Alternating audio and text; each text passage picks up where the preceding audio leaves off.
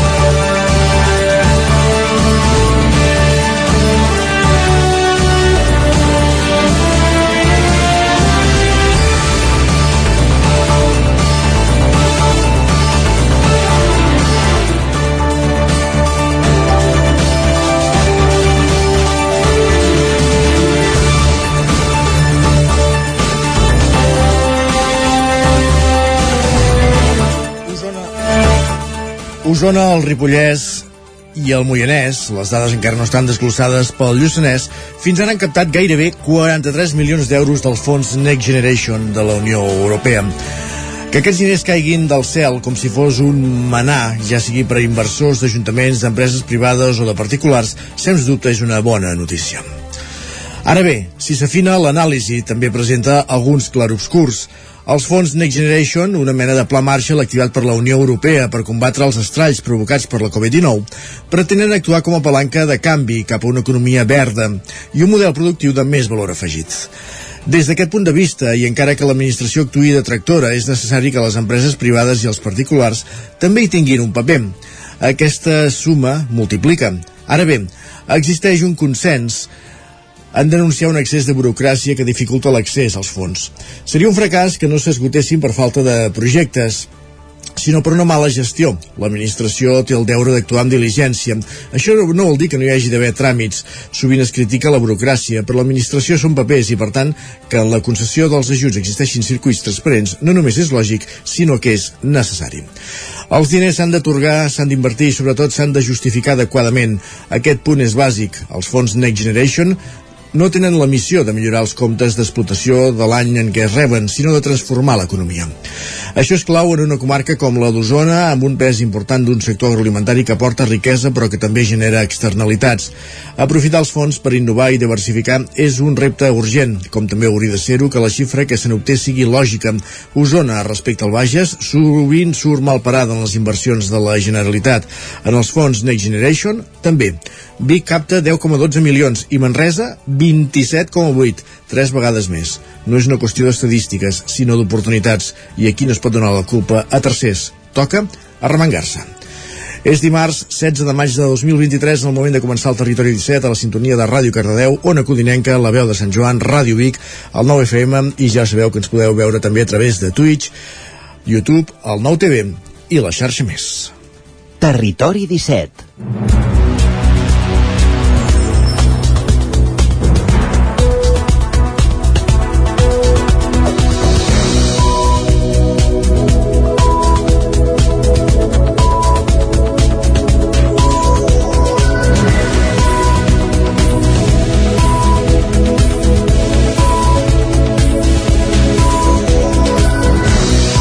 És dimarts 16 de maig de 2023, en el moment de començar el Territori 17, el magazín de les comarques del Vallès Oriental, l'Osona, el Ripollès, el Moianès i el Lluçanès, que us fa companyia cada matí entre les 9 i les 11 durant dues hores. I de quina manera? Doncs tot seguit us avancem els continguts d'aquest matí de dimarts 16 de maig, ara quan passen 4 minuts de les 9. En aquesta primera mitja hora abordarem les notícies de les nostres comarques, les notícies del territori 17, la previsió del temps amb en Pep Acosta, el nostre home del temps, des d'Ona Codinenca, i farem un cop d'ull a les portades dels diaris, anirem al quiosc amb en Sergi Vives. A partir de dos quarts de deu, pugem al tren a la Trenc d'Alba, l'R3 amb l'Isaac Montades, recollint les cròniques dels oferts usuaris de la línia, i a l'entrevista, des de Ràdio Televisió Cardedeu, conversarem amb els impulsors del casal popular La Matxera de Cardedeu.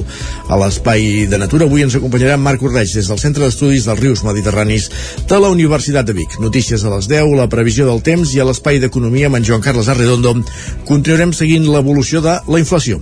Serà a partir d'un quart d'onze del matí a dos quarts Twitter i acabarem el programa amb el racó de pensar amb la Maria López i avui posant el focus en la demència des de Ràdio Televisió Cardedeu. Passen ara 5 minuts del punt de les 9, aquest és el menú del dia al Territori 17, és moment de posar-nos en dansa.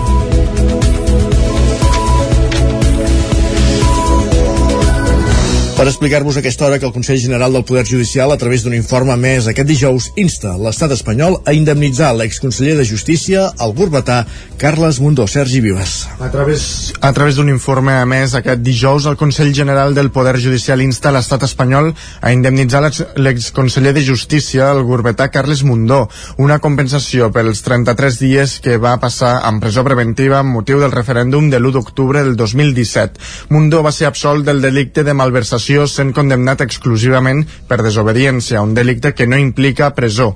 Un escenari que al juny del 2020 va portar Mundó a demanar una indemnització de 19.400 euros a l'Estat per prejudicis soferts, una petició que feia basant-se en l'article 294.1 de la llei del Poder Judicial que estableix la responsabilitat patrimonial de l'Estat de respondre pel funcionament anormal de l'administració de justícia, una xifra que no s'especifica l'informe de l'alt tribunal que es mostra partidari de que Mundó sigui indemnitzat.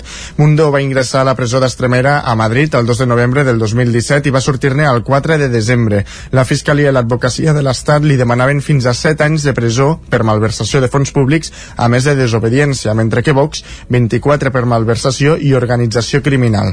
Finalment, l'octubre de 2019, el Tribunal Suprem el va condemnar a un any i 8 mesos d'inhabilitació i una multa per desobediència.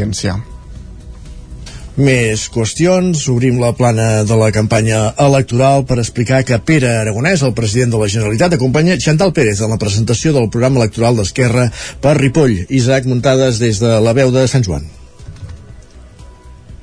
Aquest dilluns a la tarda, la plaça de la Lira de Ripoll es va omplir amb més d'un centenar de persones per la presentació del programa electoral d'Esquerra Republicana de Catalunya. Sota el títol Una altra manera de fer, la candidata a l'alcaldia del republicans, Chantal Pérez, va fer una xerrada acompanyada pel president de la Generalitat de Catalunya, Pere Aragonès. El primer acte oficial de campanya a Ripoll després de la festa major va servir perquè Pérez contraposés el seu model al de Junts per Catalunya. Els republicans volen sacsejar Ripoll i acabar amb 12 anys del mateix govern, com ja va fer l'exalcaldessa Teresa Jordà en el seu moment. La prioritat principal d'Esquerra és fer un govern per les persones en què estiguin al centre i es posi el seu benestar per davant. Aquest és un exemple de com ho faran. Chantal Pérez. Que la sala Bat Sant Just serveixi per ficar bé l'oficina d'atenció al ciutadà.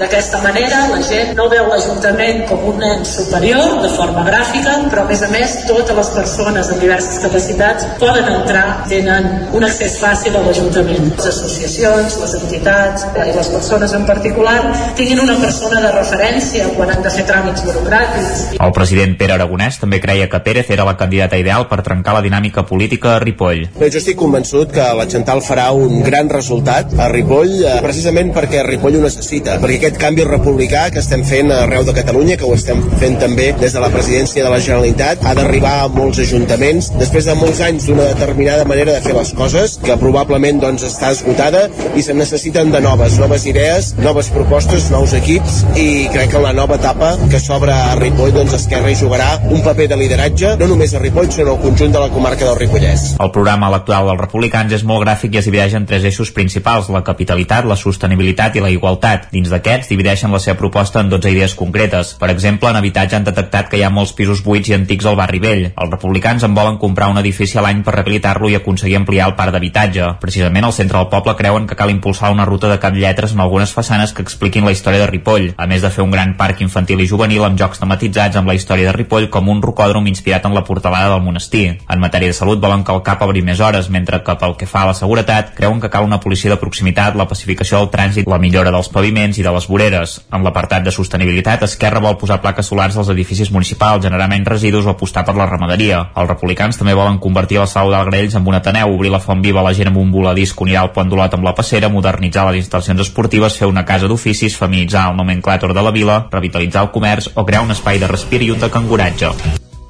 I si Pere Aragonès era a Ripoll, l'expresidenta del Parlament, Laura Borràs, era a Manlleu, acompanyant el candidat de Junts per Catalunya, Arnau Rovira, que es va passejar aquest dilluns pel mercat setmanal de la plaça Fra Bernadí. Com dèiem, ho feia acompanyat de Laura Borràs i escoltant peticions de veïns i comerciants, un acte de campanya que també va fer parada al casal de la gent gran, Sergi. Que la campanya electoral hagi arrencat es feia evident ahir matí a Manlleu. Veïns i veïnes que hi van acudir al mercat setmanal es van poder fotografiar amb Laura Borràs i Arnau Rovira, les cares més visibles d'una comitiva de Junts per Catalunya que des de primera hora i fins al migdia es van passejar per la plaça Fra Bernadi. Cols a cols amb els candidats eh, del partit a Manlleu, Arnau Rovira, la presidenta del Junts eh, per Catalunya, va escoltar les peticions de veïns i comerciants. Arnau Rovira. Sobretot ens demanen que fem una aposta pel comerç de proximitat i que no fem una aposta, eh, com per exemple altres poblacions de la comarca, per comerços més a l'exterior del poble, sinó que volen que potenciem el que és el, el que és el centre i les zones comercials que també en tenim que no estan ben bé al centre del poble. Amb la seva visita a Manlleu, Borràs va voler donar suport a la candidatura de Rovira, a qui augura grans èxits a partir del 28 de maig. i justament un vot eh, per l'Arnau, per Junts per Catalunya aquí a Manlleu és un vot per aquest compromís amb el país. Per tant, aquesta és la, la millor manera de treballar, és com ho fem a Junts per Catalunya i per tant el partit només pot esperar els millors resultats, eh, com ja va fer a les últimes eleccions i com estic segura que encara seran millors en aquestes.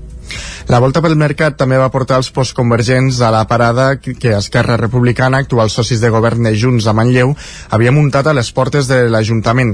La cap de llista Eva Font va conversar amb Borràs i Rovira amb qui van recordar una de les visites més recordades de la presidenta de Junts a Manlleu, la inauguració al desembre del 2018 al, del Teatre Centre. La visita de Borràs també va fer parada al casal de la gent gran. Entre fotografies en grup i algun selfie, la presidenta suspesa del Parlament va avançar que la d'avui, que la d'ahir, perdó, no seria l'única visita que farà en campanya a Osona. La setmana vinent, de fet, estarà a Vic amb Albert Castells i a la tarda visita algun altre candidat també. Més qüestions, continuem el repàs de les candidatures que es presenten als pobles i, i ciutats de la comarca d'Osona de cara al 28 de maig. Avui anem a Montesquieu, on concorren tres candidatures. Esquerra, Som Montesquieu, vinculada a la CUP, i la del PSC. Aquesta vegada, Junts, que ara és el govern, no farà llista, Sergi. Montesquieu ha superat els 1.000 habitants i això vol dir que el consistori passarà de 7 a 9 regidors i qui ocuparà les actes del regidor està entre tres formacions, ja que Junts, que forma part d'un govern de coalició, ara no ha tingut prou força per confeccionar una llista. Les tres persones que lideren els projectes estrenen al capdavant. Esquerra, que va ser la força més votada fa 4 anys, però va plegar en no poder mantenir un govern en minoria posa com a cap de llista a Pepi Rodríguez, regidora eh, del PSC i que fa 4 anys formava part de Junts. A Som Montesquieu, vinculada a la CUP, Carles Colomo, el número 2, relleva a l'actual alcaldessa Nuri Soler, mentre que la candidatura de, de Progrés al PSC torna a fer candidatura amb un exregidor, Miquel Àngel, a Miquel Àngel Sáez. Sentim per aquest ordre a Rodríguez, Colomo i Sáez. El que volem és mm, el poble que sàpiga però tot. És que tot. Que no hi hagi cap tapament de res. Vull dir que clar, és el poble i el que mana és el poble. Doncs hem de treballar pel poble. No per uns, no, pel poble, per tothom. Creiem que vam començar un nou projecte de, de poble que és eh, bueno, participatiu, molt actiu i també molt transparent i ens agradaria continuar amb aquestes línies no? sobretot la nostra política està basada en posar sempre les persones al centre de, de totes les polítiques municipals i ens agradaria continuar amb, amb aquest camí. Perquè estic veient que a Montesquieu s'estan fent coses ben fetes i coses mal fetes. I el que vull és eh, poder d'alguna manera, d'una manera o d'una altra pues, poder rectificar les coses que s'estan eh, fent mal fetes el canvi d'ubicació de l'escola al Rocal i la llar d'infants que d'entrada s'ha de traslladar on ara hi ha el camp de futbol, una proposta que no comparteixen tots els grups que es presenten serà un dels principals temes que haurà d'entomar el futur govern del poble. La seguretat després de mesos en què ha augmentat l'incivisme i els actes vandàlics és una altra de les qüestions que plantegen els diferents partits de tots que tots aposten pel poder, eh, que, per poder recuperar i consolidar la figura del vigilant. Gràcies, Sergi. Canviem de comarca, anem cap al Moianès, perquè neix Moianès Conscient, una plataforma de professionals de l'autoconeixement, les teràpies naturals i l'espiritualitat que organitzen diverses activitats. Roger Ram, zona Codinenca. Al Vallès Oriental, segons apunten des del Consorci, es generen de mitjana dos litres i mig d'oli per persona i any, el que suposa un gran problema no és aquesta la informació que presentàvem des d'una codinenca, de la creació d'aquesta plataforma, Moianès Conscient. Intentem recuperar aquesta informació amb Roger Rams, com dèiem, des d'una codinenca. Roger. Una quarantena de professionals de diferents branques de les teràpies naturals i de la meditació de la comarca del Moianès han decidit unir-se per crear una plataforma que els ajudi a difondre les seves activitats i compartir els públics amb inquietuds similars. Marta Martos és membre d'aquesta plataforma vam adonar que hi havia com moltíssima densitat de terapeutes i gent que es dedicava a l'autoconeixement i a ajudar a altres persones i que de vegades potser sortien fora del Moianès a anar aquests professionals, però que aquí a dins del Moianès eren molts i moltes. També és una mica com per conèixer-nos entre nosaltres. De moment ja difonen per xarxes socials les activitats que organitzen el Moianès els diferents membres d'aquesta formació. A més a més, el primer cap de setmana de juny organitzen una jornada que han titulat Tastet Conscient al Mas Soler de Terrades de Mollà, on han organitzat una desena de tallers de petit format. Èrica Llopis és membre de Moianès Conscient vam dir que també seria bo obrir-ho al públic. Uh -huh. I d'aquí va sortir la idea de dir, val, doncs per un costat nosaltres ens coneixem, mirem si es pot crear algú comú en el futur entre els que ens coneixem allà, però a la vegada, el dia 3 i el dia 4, les activitats que fem doncs la, la gent que vulgui podrà participar pagant una entrada depenent de les activitats que vulgui, a les que vulgui anar. D'aquesta manera volen donar a conèixer l'oferta que hi ha en aquest sector al Moianès i reivindicar que no cal sortir d'aquesta comarca per trobar propostes de teràpies naturals i de meditació. Gràcies, Roger. Anem cap al Vallès Oriental. Jornada per la celebració del Dia Internacional dels Museus i la nit dels museus a Cardedeu. Explica'ns-ho, Pol Grau, des de Ràdio Televisió Cardedeu. El 18 de maig és el Dia Mundial dels Museus. Aquest any, sota el lema del poder dels museus, amb el que es vol mostrar com els museus poden contribuir al benestar i al desenvolupament sostenible de les comunitats promovent un canvi positiu. El Museu Arxiu Tomàs Balvei de Caradeu s'ha sumat a aquesta iniciativa amb diverses activitats programades. El Dia Internacional dels Museus és una activitat que des de mitjans dels anys 70 es va començar a organitzar des de, des de l'ICOM i és el 18 de maig. Llavors el 18 de maig és, un, és el nostre dia una miqueta i s'intenten vehicular diferents activitats i des de ja fa uns anys el cap de setmana abans o el cap de setmana després en funció de com cauen les dates es celebra la nit dels museus que és una ocasió especial per visitar els museus de nit que es miren sempre amb una altra o si tens una altra mirada no? cap, a, cap al museu perquè és una hora que no és l'habitual que ja tu mires amb uns ulls diferents i amb una voluntat diferent i ara ens obrim fins a les 12 i intentem enmarcar-hi diferents eh, activitats una de les activitats estrelles ha estat amb l'exposició de Pobles Nòmades de la Núria Duran, una artista performativa on interactua amb les diverses obres que han estat acompanyades de Xaixa Agranov. Bueno, l'exposició es diu Pobles Nòmades. Jo treballo molt sobre el que és el vincle, el vincle entre les persones, el vincle entre els éssers, eh, pues, tant físic com sutil, per dir-ho d'alguna manera, i tot va sobre això, tot, tota l'obra va una mica sobre, sobre aquest tema. Per aquesta jornada especial de la nit dels museus, el Museu Arxiu Tomàs Balvei ha estat obert fins a les 12 de la nit. Gràcies, Pol. Acabem aquí aquest repàs informatiu que començàvem al punt de les 9 en companyia de Sergi Vives, Pol Grau, Roger Rams i Isaac Muntades. És moment al territori 17 de saludar el nostre home del temps, en Pep Acosta.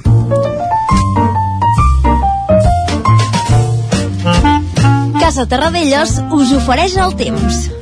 És moment de repassar el temps que va fer ahir, però també de saber quin farà avui i els propers dies. Pep, benvingut, bon dia de nou. Hola, bon dia, què tal?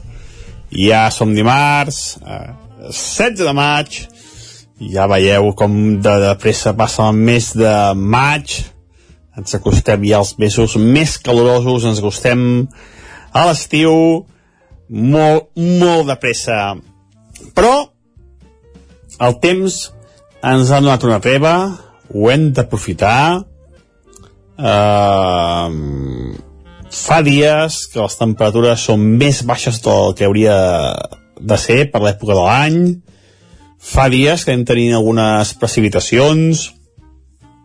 Uh, no soluciona la sequera, uh, no són precipitacions allò molt persistents, molt extenses, mm, i aquest problema, aquest problema eh, que al mes de maig eh, les precipitacions acostumen a ser, això, a ser més puntuals, no, no són precipitacions de dies ni que afecten a tot, a tot Catalunya. Però bueno, molt millor això d'anar plovent aquí i allà que no pas eh, el temps que hem tenit, per exemple, el mes d'abril, que va ser un mes molt més calorós del normal i amb molt poca precipitació en general. Uh, ahir uh, vam tenir poca pluja, només alguna petita precipitació prop del Montseny entre els 0 i els 5 litres cap als Guilleries també 4 gotes va, uh, va disminuint el risc de pluja a les tardes uh, aquesta setmana. També uh, independentment ahir uh, va ploure força, va nevar força cap a la cara nord, allà sí que es van acumular més de 15.000 litres. Uh, jo és, és, és com un món a part diríem quasi bé perquè la precipitació sí que va ser intensa en aquella zona de, de Catalunya. Però cap a les comarques no eh? va haver-hi poca poca precipitació uh, avui, avui uh, ens llevem unes temperatures uh, força més baixes del que hauria de ser normal altra vegada temperatures fins i tot per sota els 5 graus al Pirineu i per sota fins i tot dels 10 graus a l'interior. Unes temperatures fresques, fredes en algunes poblacions. Um, això també és bo, eh? Va bé, va bé aquestes afrescades de nit. Pocs núvols ara al matí i a la tarda novament que seran de nuvolades. Avui encara uh, hi pot haver menys puges que ahir, la probabilitat de pluja encara és menys important, mm, poder s'escapen quatre gotes cap a Montseny, cap a les Guilleries, però serien, això sí, eh, quatre, quatre gotes, eh, eh inclús menys que ahir, encara menys probabilitat de, de pluja que ahir, molt poca, molt poca cosa. Les temperatures novament bastant a ratlla, entre els 15 i els 20 graus, la majoria de màximes, potser puntualment per sobre els 20 graus en alguna població, però els costarà les temperatures superar aquests 20 graus. Seran eh, valors eh, també més baixos del que, del que tocaria. Destacable el vent, el vent que bufarà eh, bastant fort als cims del Pirineu, eh, cap a zona Baiter, eh, bastiments, atenció al vent, que bufarà mm, amb ratxes moderades, puntualment fortes. A destacar aquest, aquest vent un vent de nord eh, que és el que ens aporta aquesta sensació de més fred, és el que ens aporta aquestes temperatures més baixes del normal. Moltes gràcies, adeu. Gràcies a tu, Pep. Parlem més tard i ara, després de fer el repàs del temps, el que fem és anar ràpidament cap al quiosc, que és moment de repassar les portades dels diaris del matí. Casa Tarradellas us ha ofert aquest espai. Un quart i mig de 10 del matí. Doncs com dèiem, Sergi, moment de repassar les portades dels diaris del dia, per on comencem? Doncs mira, comencem pel punt avui, que encapça la portada amb el titular Encallats amb l'ELA. Expliquen que la preposició per garantir per llei les cures adequades a una malaltia que suma tres afectats nous cada dia fa un any que està bloquejada al Congrés. Es tracta d'una proposició de llei de Ciutadans que va ser admesa a tràmit per unanimitat al Congrés al març del 2022 i que ha rebut 45 pròrrogues. Altra banda, diuen que hi havia ganes de tornar a celebrar la Lliga i és que ahir l'equip masculí i femení del Barça van fer una rua pels carrers de Barcelona que va plegar a desenes de milers de culers. Una notícia que com era d'esperar, doncs només recullen els diaris catalans. Carai. Cap sorpresa. Um, el peri el peri... juguen la Lliga Espanyola, juguen la Lliga Espanyola aquests dos equips, no? Però vai. Sí, sí, perquè es veu, sí. uh, el periòdico diu que les universitats catalanes han sancionat almenys 28 professors per assetjament sexual i laboral des del 2018. Expliquen que els centres acumulen més de 150 expedients per assetjament sexual i laboral, segons ha pogut saber al diari. La Vanguardia diu que el PSOE prova d'esquivar la pressió del PP per les llistes de Bildu. Expliquen que Sánchez replica que ETA es va acabar fa 12 anys, mentre que Feijó demana canviar la llei electoral i Ayuso i legalitzar la formació a Berzale. L'Ara diu que Londres pressionarà l'OTAN perquè Kiev rebi aviat cases de combat. Expliquen que la, el premier britànic anuncia l'obertura d'una escola per formar pilots ucraïnesos per als F-16. Afegeixen que Zelensky es mostra optimista al final de la seva gira express per, als per les principals capitals europees. Per altra banda, diuen que els dos candidats del PP Uh, diuen que dos candidats del PP estaven entre els seguidors ultres que van saltar la gespa del camp de l'Espanyol. Afegeixen que el club blanc i blau, que no ha erradicat els radicals, suplica que no li tanquin l'estadi és que els jugadors del Barça van provocar. Clar, ja fent... En fi, normal. fi. Uh, anem a repassar la premsa espanyola. El país diu que Erdogan està a un pas de revalidar el seu mandat com a president de Turquia. Expliquen que tindrà la majoria del Parlament i anirà amb avantatge a la segona volta. Uh, L'ABC diu que uh, una, nova, uh, una nova llei deixarà en llibertat a sense papers amb delictes greus. Expliquen que l'avantprojecte de Belarra i Llop estableix que en cas de dubtes sobre l'edat els immigrants siguin tractats com a menors. El Poder Judicial alerta que les conseqüències pertor alerta de conseqüències pertorbadores dels canvis que, segons la Fiscalia, no responen a una necessitat real. El Mundo diu que la recuperació de Podem complica la majoria absoluta d'Ayuso. Expliquen que la presidenta aconseguiria el 47,1% dels vots i es quedaria un escó de, presi de prescindir de Vox. Per altra banda, destaquen el cas uh, dels digitals o la falsa revolució del periodisme clickbait. Diuen que la caiguda del BuzzFeed o Vice pressiona Google per la virali vi viralització de notícies falses al Discover. Carai, tu, la caiguda de què? On? déu nhi va. Um, I acabem amb la Razón, que diu que Bildu reanima el PP basc i arrastra uh, a Vox al populisme penal. Expliquen que les llistes amb terroristes omplen els actes dels populars com quan ETA estava en actiu.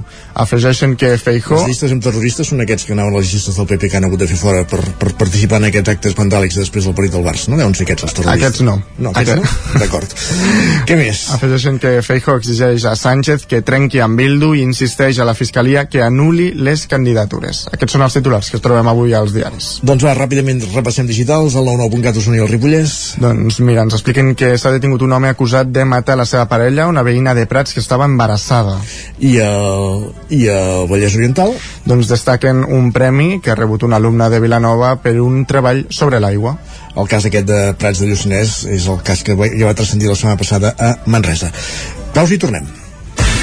El nou FM, la ràdio de casa, al 92.8. Ajuntament de Gurb. El divendres 19 de maig no et perdis Meta, un espectacle de teatre documental per parlar de la tragèdia a l'estret de Gibraltar i el patiment de les persones que lluiten per creuar-lo. Ibrahim Diallo posa veu a aquest drama amb un monòleg colpidor que acabarà amb un debat postfunció amb el públic. Divendres 19 de maig, a dos quarts de nou del vespre, a la sala del Molí de l'Esperança de Gur. Entrades a taquilla. Quan tingui un problema amb la seva caldera, vagi directament a la solució. Truqui sempre al servei tècnic oficial de Saunier Duval i despreocupis, perquè som fabricants i coneixem les nostres calderes peça a peça. I ara aconseguiu fins a 250 euros en canviar la caldera. Informeu-vos al 910 77 10 50 o a saunierduval.es. Rètols 2 Art. Experts en comunicació visual, rètols, banderoles, vinils, impressió, plaques gravades, pancartes, senyalització, displays... Rètols 2 Art. Més de 30 anys al vostre servei. Ens trobareu a la carretera de Vic a Olot número 7, al polígon Les Casasses de Vic, dosartvic.com, telèfon 93 889 25 88. Estàs preparat per aquest estiu? A Boi Galter som especialistes en tot allò relacionat amb la protecció solar per a qualsevol necessitat d'espai, tendals, pèrgoles, escrins interiors. Anticipa't a la calor. T'assessorem i t'oferim la màxima garantia de confort i benestar per casa teva. No ho dubtis i vine a Boi Galtés.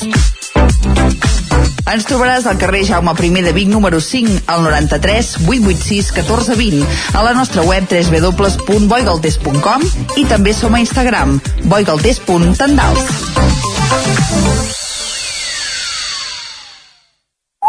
Per moure't, lloga un cotxe ALR. Per moure la família, lloga un minibús ALR. Per moure coses, lloga una furgoneta ALR. Per moure la casa, lloga un camió ALR. Lloguer de cotxes, furgonetes i camions ALR. Ens trobaràs al carrer Francesc Sant Climent 83 de Vic i també a Olot i Manresa. Informa't en el 93 888 60 57 o bé consulta el web alr.cat. Ser a prop vol dir veure les coses més bé. Apropa't al que t'interessa amb la xarxa Més. La teva plataforma audiovisual de qualitat, proximitat i gratuïta.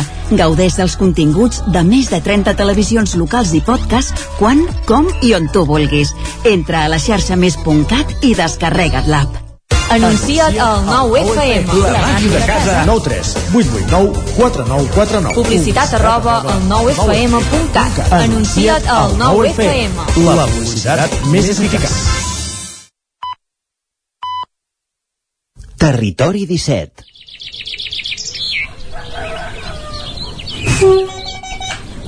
A Tren d'Alba.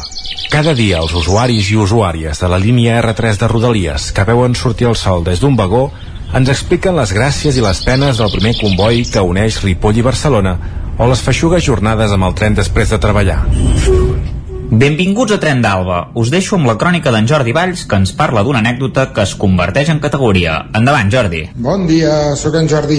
Ei, 5 minuts, dos dies seguits, 5 minuts tard només. A més, ostris, anava força buit el tren. Això són coses estranyes que a vegades és difícil d'explicar. Bé, molt bé, un viatge còmode. Ahir sí que va ser, va ser entretinguda perquè a la tornada vaig tenir la gent l'idea d'agafar el tren de dos quarts de quatre. I el tren de dos quarts de quatre és curt, és a Ripoll, i ja a plaça Catalunya ja no podíem seure mm, drets. Però clar, arriba Mar de Triomf i hi ha tot un grup de canalla que intenta pujar. Canalla devien tenir uns 11 anys pobrets meus, eren una trentena, van quedar en una d'aquelles plataformes que no podien ni respirar. Al cap d'una estona un nen va començar a dir això és una merda. Un altre va saltar i va dir puta Renfe.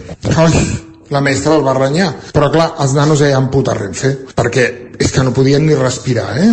Un tren curt, coses d'això que volem promocionar entre la canalla el transport públic. Al final, les mestres van baixar parets, comentaven, la propera vegada llogarem un autobús. Ai, objectiu assolit. A la benzina, molt bé, Rodalies, Conselleria, tots aquests que critiqueu, Renfe, aquests que posen els trens segons la seva disponibilitat de material, si no en tenen, que fotin al camp i punt, és igual, ja anirem amb uns escops i unes espardenyes durant un temps. Res, aquella canalla va aprendre que el tren era dolent, deien puta Renfe i les mestres ja van decidir que la propera sortida agafarien l'autocar. Benzina 1, serveis públics de qualitat 0. Apa, endavant la setmana, adeu-siau. Ja veu, Jordi, que la joventut aprèn de pressa que amb Renfe es va molt malament. Després no m'estranya que els nens se'n recordin de la mare de la Renfe. També estaria bé que se'n recordessin del pare, ja que això depèn de l'estat espanyol. Això sí, és trist que si caminem cap a un món més sostenible, després les mestres optin a la pròxima sortida per agafar l'autobús. No m'estranya gens. Si el tren va molt més lent i no ofereix un servei de qualitat inconfortable, no entenc com se li pot acudir a la gent a agafar-lo. Va, ens retrobem demà amb més històries del tren i de la R3.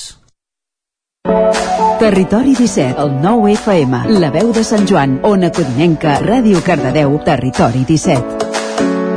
Gairebé són 3 els minuts que passen de dos quarts de 10 del matí.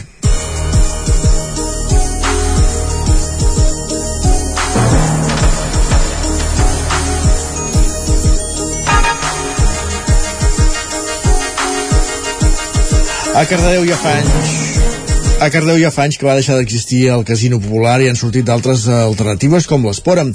Ara el Casal Popular La Matxera recull els antecedents de l'associacionisme popular del poble on han obert un goteo per fer possible aquesta obertura, un goteo, un crowdfunding. I per parlar mm, per parlar-ne eh, tenim amb nosaltres l'Albert Gallego, un dels impulsors d'aquesta iniciativa. Abans, però, saludem en Pol Grau que ens escolta ens, des dels estudis de Ràdio Televisió Cardeu. Pol, benvingut, bon dia. Bon dia, Isaac. Com va el matí? Bé, avui amb nosaltres ens acompanya l'Albert del Casal La Metxera, no sé si ens està escoltant. Bon dia, Albert. Hola, bon dia, com esteu? Bé, aquí, per començar, el, el casal rep el nom de la Metxera en referència a les treballadors de la tèxtil del municipi. Per què vau decidir donar-li aquest nom a aquest nou casal? A veure, volíem que el nom del casal doncs, recollís una mica les sensibilitats diferents de, que podia tenir la gent involucrada a la cultura popular de, de Cardedeu, no? Llavors es va fer com una votació on hi havia tres opcions. Un era que es digués Casa Popular La Cuca, que és bueno, una figura molt emblemàtica no? de la cultura popular de Cardedeu. També hi havia l'opció que es digués Cala Pepa, per la, per la Pepa Colomer, que era una dona aviadora antifeixista, que havia participat a la Guerra Civil, i per últim estava la Matxera, doncs, que feia una mica un homenatge a les, a les dones del tèxtil, i per votació popular doncs, va sortir aquesta i així s'ha quedat, Casa Popular de Matxera una mica pues, això, en homenatge a la, a la classe treballadora cardauenca i a partir d'aquí on llegueu aquesta campanya de, de micromecenatge a través de, de Goteu. Quina és la xifra que Correcte. necessiteu per tirar endavant aquesta iniciativa i fins quan està obert el termini? Doncs a veure, per, fent un càlcul de tot el que suposa, perquè a veure, siguem conscients de que la situació avui dia a nivell de lloguers està bastant malament, hi ha una crisi immobiliària bastant forta, llavors tenint en compte que haurem de pagar despeses, que haurem de pagar alguns mesos, que podem tenir una mica un calaix doncs, pel que pugui passar, no? i perquè possiblement quan entrem en un local doncs s'hauran de fer obres i, i de més doncs havíem fixat un mínim de 8.000 euros. De moment, la veritat és que anem, estem a la primera ronda, queden, queden 19 dies i només anem pels 3.000, però confiem que, que al final el teixit associatiu i popular de Cardedeu farà, farà una última embranzida i, i ho podem aconseguir, segurament. Cardedeu i, i comarca, que molta gent de la comarca també està s'està involucrant i està participant. I tant. No, no estàs tu sol en aquest projecte, sou més gent, no sé quanta gent formeu part d'aquest futur projecte. No podria dir-te una xifra ara mateix, perquè realment ja tenim les xarxes socials, tenim un grup motor que ho està impulsant, i bueno, ja tenim com unes 70 sòcies, i després està pues, el grup motor, que pues, som els que fem les assemblees cada dos diumenges i ens trobem per intentar pues, construir. Està, estem en fase de construcció, així que esperem ser moltes més i, i que, que la gent de Cardedeu no solament participi com a sòcia, sinó que vingui a dinamitzar les assemblees, que vingui a participar amb els seus col·lectius i que quan estigui obert el local doncs, doncs que siguem un punt de referència per la cultura popular d'on surt la, la iniciativa doncs, de, de, de crear aquest, aquest casal popular amb quina, i amb quina finalitat? Doncs a veure, la, la gran majoria de persones que estem impulsant aquest projecte doncs, tenim, som, som gent que, que venim, podríem dir, de, de, de militàncies polítiques, culturals, eh, són gent amb inquietuds i al final el que volem és que, que el casal La Matxera doncs, sigui al final totes hem crescut en, en, en algun entorn on hi havia un local de referència i, i creiem que és molt necessari que, que en un poble, i més un poble com Cardedeu, tan, tan, tan viu i amb una tradició també doncs, de, de lluites socials i de cultura popular tingui un espai on la, on la gent jove i no tan jove pugui, pugui acudir, pugui passar una estona, pugui organitzar-se en una assemblea, pugui reunir-se amb el seu col·lectiu, pugui organitzar una xerrada, un acte cultural, un concert, qualsevol cosa. Llavors l'objectiu és això, ser una mica pues, un punt de referència, un punt de trobada on, on ens trobem persones de, de, de procedències molt diverses, ja sigui ideològicament com, com geogràficament, no? I, i hem trobat aquest punt en comú i a partir d'aquí comencem a construir. Has dit que anireu a un local, no sé si el teniu ja pensat a quin voleu anar o si el teniu localitzat o per on estareu més o menys? No, hi ha una comissió que s'encarrega d'això i ara primer hem de veure com, com evoluciona el tema del crowdfunding, amb quins fons disposem, perquè al final totes persones de classe treballadora bastant precàries i, i, i, i el crowdfunding és bastant decisiu pel, pel futur del, del casal realment. Però hi ha algun local mirat, però de moment encara no, no, no, hi, ha res, no hi ha res tancat. Uh -huh. I quan preveieu començar l'activitat, més enllà de, de la part assembleària de, diguéssim, d'anar formant el projecte, diguéssim, eh, cal esperar tenir tancat el, el microfinançament o podreu fer iniciatives abans? Com, com ho teniu calendaritzat, si més no?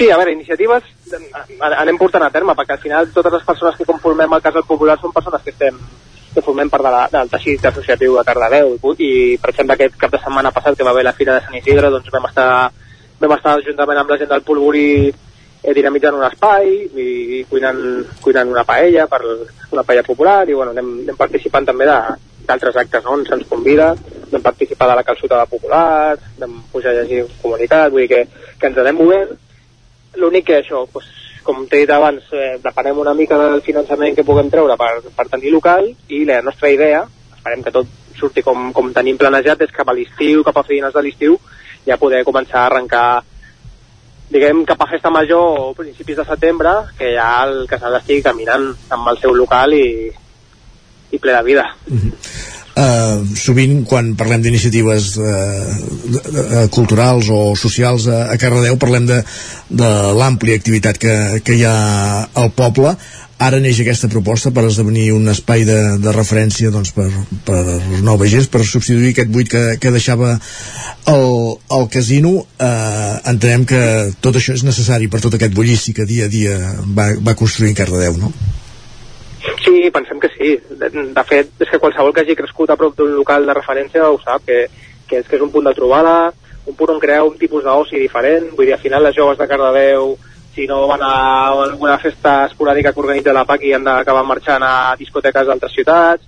I tot i que no volem ser un, un punt únic i exclusivament d'oci també volem que l'oci formi part de, de la matxera i que hi hagi un oci alternatiu, un lloc on, on ens puguem trobar ja sigui per organitzar actes culturals i festius com per organitzar coses més serioses i xerrades com per trobar-nos i, i prendre alguna juntes i xerrar que al final com es construeixen les afinitats del poble és, és trobar-nos i fer coses plegades i és una mica l'objectiu que té la matxera com a, teniu aquí a la pàgina web del Goteo, que és una altra de crowdfunding, teniu recompenses que van des dels 5 euros fins als 200 euros. Tots aquests que participen amb els xecs regals que estic veient i coses d'aquestes, també col·laboren amb el projecte, entenc.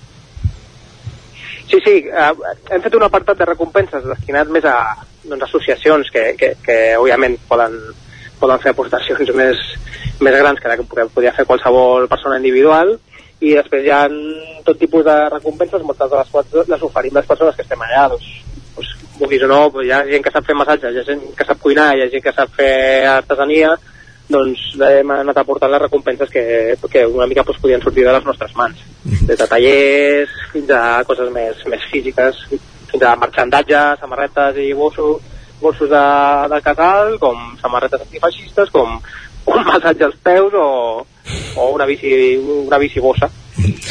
Abans en Pol demanava per, pel futur espai que pot ocupar eh, aquest casal o que pot esdevenir seu d'aquest casal entrem que ha de ser un espai privat o per exemple compteu també amb possibles espais de la tèxtil raça que s'ha recuperat recentment a Cardedeu? Bueno, la idea és tenir el nostre propi espai no dependre, no dependre tampoc pues, això de, de, de la institució ni dependre d'altres de, àmbits. Eh, bueno, sí, volem que sigui un espai autogestionat i que surti de la, de la gent que impulsa el projecte i que òbviament serà públic perquè qualsevol és benvingut i benvinguda, però no, no volem dependre tampoc dels espais que s'escapar una mica de la nostra, de la nostra mà. No? Pol? Ah, sí. Mm, ja, quan, així que hi ha una primera fase del goteo, no sé si és una primera ronda, ja, la segona ronda uh -huh. ja hi haurà? Ah, clar, en principi, quan ah, aquestes plataformes de micromecenatge funcionen d'una forma, és que tu fixes un mínim i un òptim. Llavors hi ha una primera ronda, que és la que et porta a aconseguir el mínim, un cop tens el mínim tu pots decidir, doncs mira, amb el mínim ja tenim prou, ja podem tirar endavant, o no en tenim prou, fem una segona ronda per aconseguir l'òptim. I, I això, quan s'acabi la primera ronda, que s'acaba d'aquí 17 o 18 dies, si haguéssim aconseguit el mínim, podríem decidir si continuem endavant a per l'òptim, llavors es tornaria a fer una altra ronda de 40 dies. I en el cas que no, no, no, no s'arribés al mínim, què es faria? En cas, sí, que queda, sus, queda en suspens el, el goteo. doncs des d'aquí sí. fem una crida... Llavors esperem. sí, exactament. No, fem una crida, empeny una mica, ara mateix ja, segons estem llegint el minut a minut d'aquest goteo, he obtingut 3.106 euros, el mínim són 8.000, l'òptim sí. 14.000, hi ha 4, 84 persones cofinançadores, eh, per tant fem una crida a participar en aquest projecte del casal popular La, la Matxera de, de Cardedeu.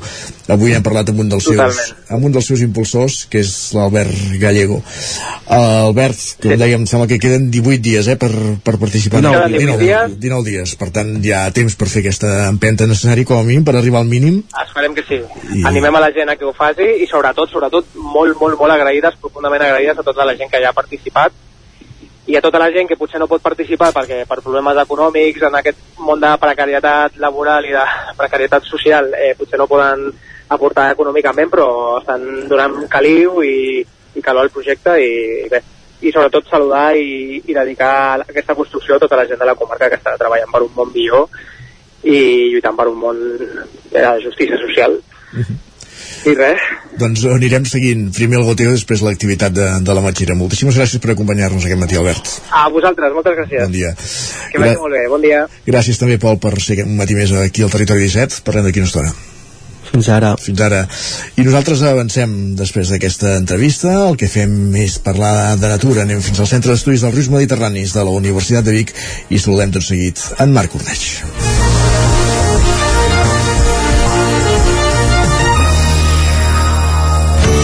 Territori 17. Envia'ns les teves notes de veu per WhatsApp al 646 079 023. 646 079 023. WhatsApp Territori 17.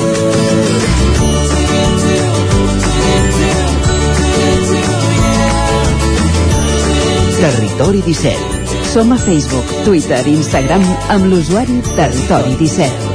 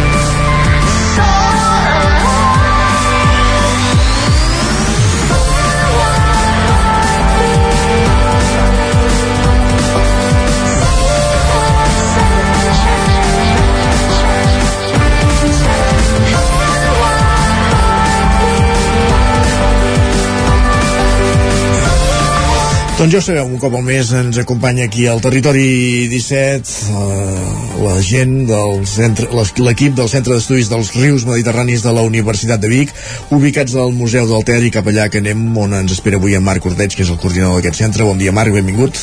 Hola, bon dia. En aquest espai que parlem cada setmana de natura, de medi ambient, de meteorologia, d'energia, avui ens fixem en, en l'àmbit més eh, natural i la notícia aquests dies és que sembla que comencen a haver-hi episodis interessants de, de pluja eh, ja, en certa manera generalitzats, si més no aquí a les nostres comarques.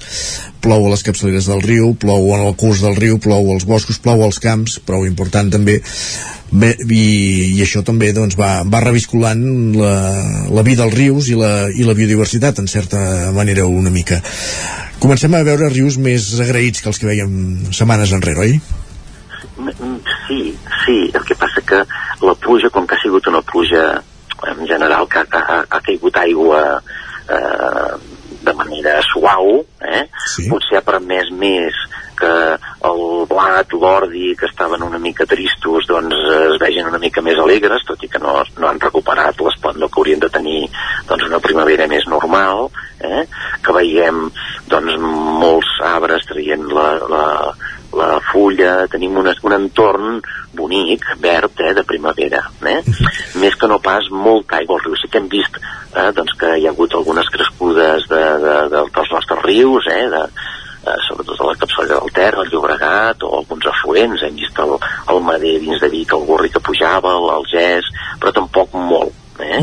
Per tant, sí que ha plogut, però la quantitat d'aigua que ha plogut ha sigut molt suau i, i té, els rius tenen un aspecte normal, d'una primavera normal, però no hem vist tampoc cap, cap aiguat, no? No, no ni cap pujada molt grossa. Per tant, eh, diguem que hi ha un optimisme retingut en aquest sentit, eh? De, de, de, de que tenim aigua, eh, això permet que, que doncs, eh, es, es refaci una mica tot plegat, però també és veritat que la, diguem, el, la, la, la, aquests portem aquests dos anys i mig, gairebé tres anys de secada persistent i cada vegada més intensa, eh, que això, doncs, l'impacte que ha tingut sobre la fauna i la flora, eh, diguem que costarà de refer, eh? No, només hem de fer una, per sortir del riu, que és l'àmbit on em trobo més còmode, però només hem de fer una ullada a tots els vessants de, de, del voltant d'Osona, el Ripollès, igual, eh?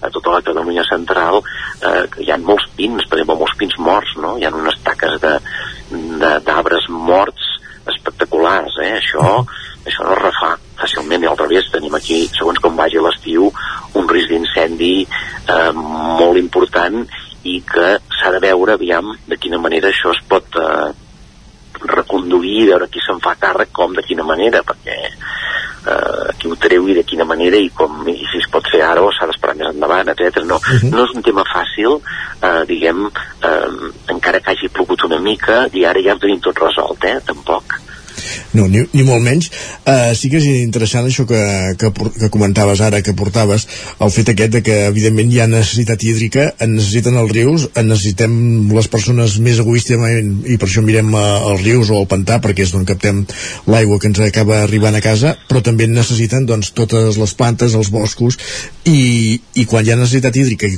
i quan hi ha aigua, aquests també són els primers que la capten, no? i per tant moltes vegades no, no veiem la translació del que ens sembla que ha plogut a, a, a això, a, als rius perquè ja abans ja hi ha plantes que, que necessitaven i que també l'han retingut aquesta aigua clar, i, i hem de pensar que hi ha, hi ha plantes i animals que eh, la, la secada ja, ja, ja, ja els ha passat pel damunt eh? Correcte. per exemple eh, cada any fem amb el, organitzem, eh, conjuntament amb el grup de naturalistes d'Osona, des del Museu del Ter, organitzem una sèrie d'activitats naturalistes a Osona. Aquest any ha sigut el primer any que hem suspès una, una activitat, dic el primer any des de fa, eh, jo diria que fa cap a 15 anys que fem aquestes sortides conjuntes, i és el primer any que hem suspès una sortida d'orquídies de la primavera sempre hi havia orquídies més d'hora o més tard, en funció de si feia una mica més de fred o menys, i teníem una sortida prevista doncs, per al cap de setmana passat a Ceba, i el van suspendre perquè no hi havia prou humitat. Sí que n'ha sortit alguna, però molt poquetes, molt poquetes. Les orquídees necessiten humitat. Aquestes orquídees petitones, no les que comprem eh, per anar a regalar, eh? sinó les orquídees que, de bosc, que tenim pels nostres prats, eh? Uh -huh i que són molt variades, molt vistoses, molt boniques i algunes són molt, molt especials i molt rares, no? I, i n'han sortit molt poquetes. No, no és que no n'hagi florit cap, però molt poques comparat amb altres anys. Però el problema és que el, el grup orquidològic de Catalunya, que és un grup d'aficionats a les orquídies, organitzava altres sortides en altres llocs de Catalunya i les han suspeses totes. M'explico? O sigui, el tema és, és, és, bastant, és bastant dramàtic, eh? Mm, no, no, no només ens afecten a nosaltres, sinó que afecta doncs, a, una, a una banda ampla, molt, molt extensa, no? I el que comentaves d'aquests eh, eh, aquests arbres, diguéssim, abans comentaves pins, per exemple, aquests arbres que també tenen necessitat hídrica i que han mort per la secada directament i això en trobem molts en molts boscos, no? Molts, molts, molts. Hi ha unes taques, eh, eh, per exemple, eh, tot l'entorn entre Sant Julià i Sant Llorenç, eh, les Guilleries, eh, vas cap a l'altra banda, cap al Lluçanès, eh, eh, entre, entre Vic, eh, Muntanyola, eh, cap a Sant Bartomeu del Gra, hi ha unes, hi ha unes bandes, de, hi ha unes franges de, de tapí roig, sobretot, mort, eh? perquè com que en aquests vessants és on l'aigua doncs es reté menys perquè el sol és més prim, eh? hi ha roca, etc i aguantaven fins ara, però no han resistit eh, d'aquests dos, tres anys seguits de secada, no? Clar, això és material inflamable. Si, si estan humits a l'estiu ho aguantarà, però si no té molt risc, no? I en molts de casos són propietats privades, però el propietari tampoc mitjans, eh, sí que la llenya ha pujat de preu i això anima que, que es faci gestió forestal, però en aquests, justament en aquestes franges on, on, han, on s'han mort aquests arbres són llocs de difícil accés, etc i per tant això és un, és un problema que entenc que l'administració ja n'hi ha posant remei, eh, però no és tan fàcil perquè, clar, mm, vol dir molts recursos, hi ha molt... És, és, és, és, és important també de cara a millorar la biodiversitat, que obrim els boscos, etc etc, però en aquest cas hi ha un directe d'incendi en aquestes taques, eh? I, tot, i tota la fauna que estava associada en aquest bosc, que ara ja no, hi, no hi podrà viure perquè només queden branques, eh? I tot això, com bé deies, és, és combustible, malauradament. És combustible. I, clar, sí, sí, eh, abordar el, el tema de la neteja mai, mai és senzill, tampoc, com bé apuntaves. Uh, abans ens esmentaves també aquestes sortides naturalistes, de les quals també hem parlat en més d'una ocasió en aquesta secció, uh, que heu hagut de suspendre la d'aquesta darrera setmana a causa doncs, de, de la falta d'orquídies, que era el que es volia veure. però en tenim, en teniu més de preparades pel, pel curs en el que estem, oi? Sí, sí, sí, tenim un pilot perquè això doncs, ho vam començar a fer uns anys amb els de terroristes d'Osona, però també doncs, hem arribat a fer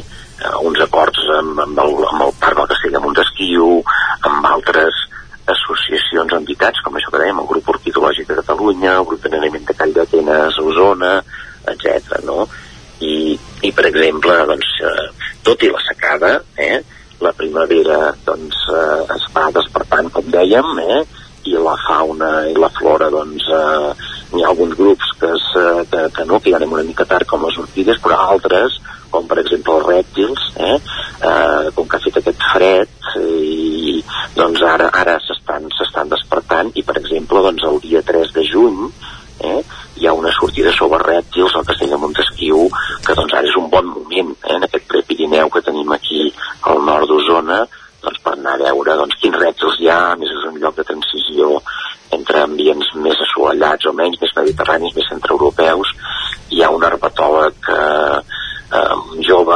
eixerit, que es diu Nando, que, que, que ho farà molt bé i, i, i doncs hi haurà una sortida eh, sempre prèvia reserva a la pàgina web doncs, de, de, de, del Museu del Ter o del Castell de Montesquieu en aquest cas. Eh, Rèptils que... 3 de, de juny. 3 de juny eh? No són pas pocs, eh? Per això els rèptils que podem trobar en aquests nostres entorns no, no són, perdona, no t'he sentit bé, que no són, no són pas pocs, que, que hi ha bastanta varietat. hi ha bastanta varietat eh? I, i no, no són perillosos, no vol dir que no puguem trobar algun escurçó, però doncs, l'escurçó no el tocarem i ja està, eh? sargantanes de diferents, eh, almenys de tres espècies diferents, eh, podem trobar el llangardaix ocelat, que ara, ara, ara que es comencen a moure a unes dimensions a vegades quasi bé de 40 i 4 centímetres i tot, diferents tipus de serps, etc. Res, eh? Per tant, sí, sí, és un bon lloc. En el cas de Montesquieu és un bon lloc i, i, i, i a més a més és, eh, aquest, aquest, aquest noi està també ficat a la Societat Catalana d'Herpetologia, és molt didàctic, etc. Vull dir que és una bona oportunitat. Doncs el 3 de juny preneu nota i qui estigui interessat evidentment es pot adreçar per exemple al Museu del Ter per fer la, la, la inscripció. Exacte. En tenim, en tenim algun altre sí. de propera, que és el 10 de juny, eh, el dissabte 10 de juny, sobre flora i vegetació, que en aquest cas la farem en aquestes illes i meandres que hi entre les masies de Voltregà i Torelló, però des de la banda de les Masies, sí. i anirem a veure la flora i la vegetació dels boscos de Ribera. En aquest cas, doncs, guiats per dos, dos biòlegs que són professors de la Universitat de Vic, la Carme Casas i l'Albert Palou, que també són membres del grup de naturalistes d'Osona, i, i, bueno, i és una bona excusa per anar a veure en aquest cas sí, un espai restaurat eh, d'aquestes illes i meandres que vam restaurar a través d'un projecte europeu, el Life Almos, que n'hem parlat alguna altra vegada, Correcte, sí. i que ara mateix està espectacular. Uh -huh. Està espectacular. I quina, Doncs sí que el riu es nota que s'està regint molt. Uh -huh. I quines espècies hi trobem en, aquesta, en aquestes illes, en aquests meandres, en aquesta zona de, de l'entorn del Ter, diguéssim? Aquí, aquí podem trobar de tot, eh? ens centrarem en la vegetació i la flora, eh? Eh, trobarem des de verns que hem anat plantant o que han anat apareixent amb totes les actu- activitats aquestes de restauració, eh? més petits, més, més, més grans, saules, freixes, etc. Eh? Hi ha altra flora acompanyant, plantes eh, més petitones, eh, doncs acompanyants eh, d'aquests arbres, de, arbres i arbustos de ribera, però a més a més quan entres en aquestes illes et pots trobar des d'un cabirol, per exemple, és molt habitual veure cabirols o veure algun porc senglar o, si hi ha molta sort, alguna llúdriga i tot, eh? perquè són entorns on els animals es refugien, són unes illes molt grans i, i realment eh, és com si et fiquessis eh, l'altre dia els explicava a alguns alumnes que hi vam anar per anar a veure les actuacions de restauració i deia, això és com si entressis una mica a l'Amazones eh? un lloc on has d'anar doncs, amb, amb sabates per evitar que et mullis d'aigua i mm, a cada passa et pots trobar una sorpresa, eh? Mm. Tenim molts invertebrats de tot, de tot tipus, eh?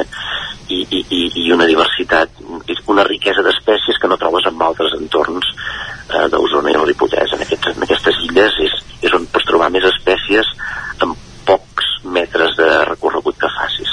I, i, i quan esmentaves que hi pots trobar llúdrigues, que això també és sinònim de bona qualitat de l'aigua. Sí, la llúdriga sí, de bona qualitat de l'aigua, no pas molt, molt bona, però que no hi hagin eh, tòxics i sobretot que hi hagi prou menjar. Eh? La llúdriga el que vol és que hi hagin crancs, que hi hagin peixos i que estigui tranquil·la. I aquí ho té tot. Té llocs on amagar-se, llocs on, on, on, on criar, eh, i té prou tranquil·litat per anar agafant algun peix, algun cranc, etc. I, i per això, per això s'intenten crear aquests refugis eh, de, de fauna en aquest entorn eh?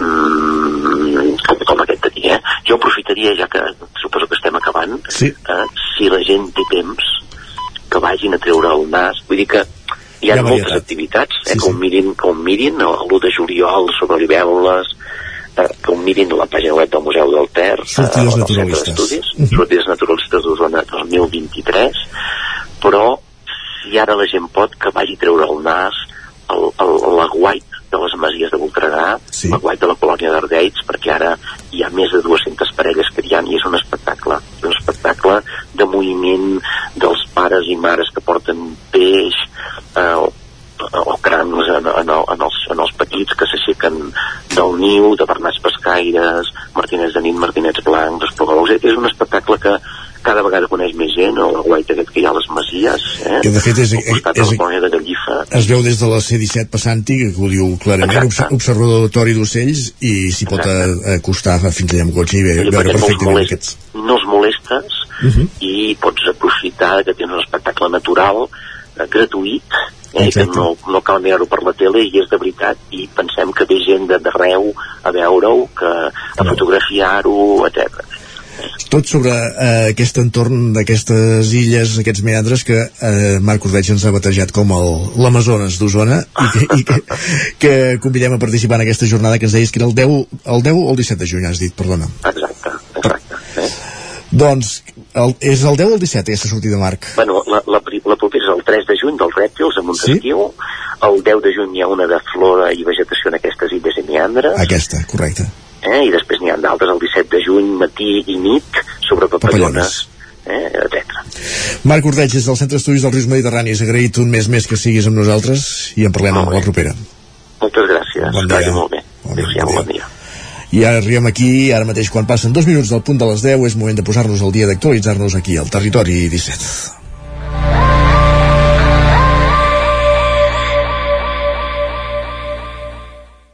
Territori 17.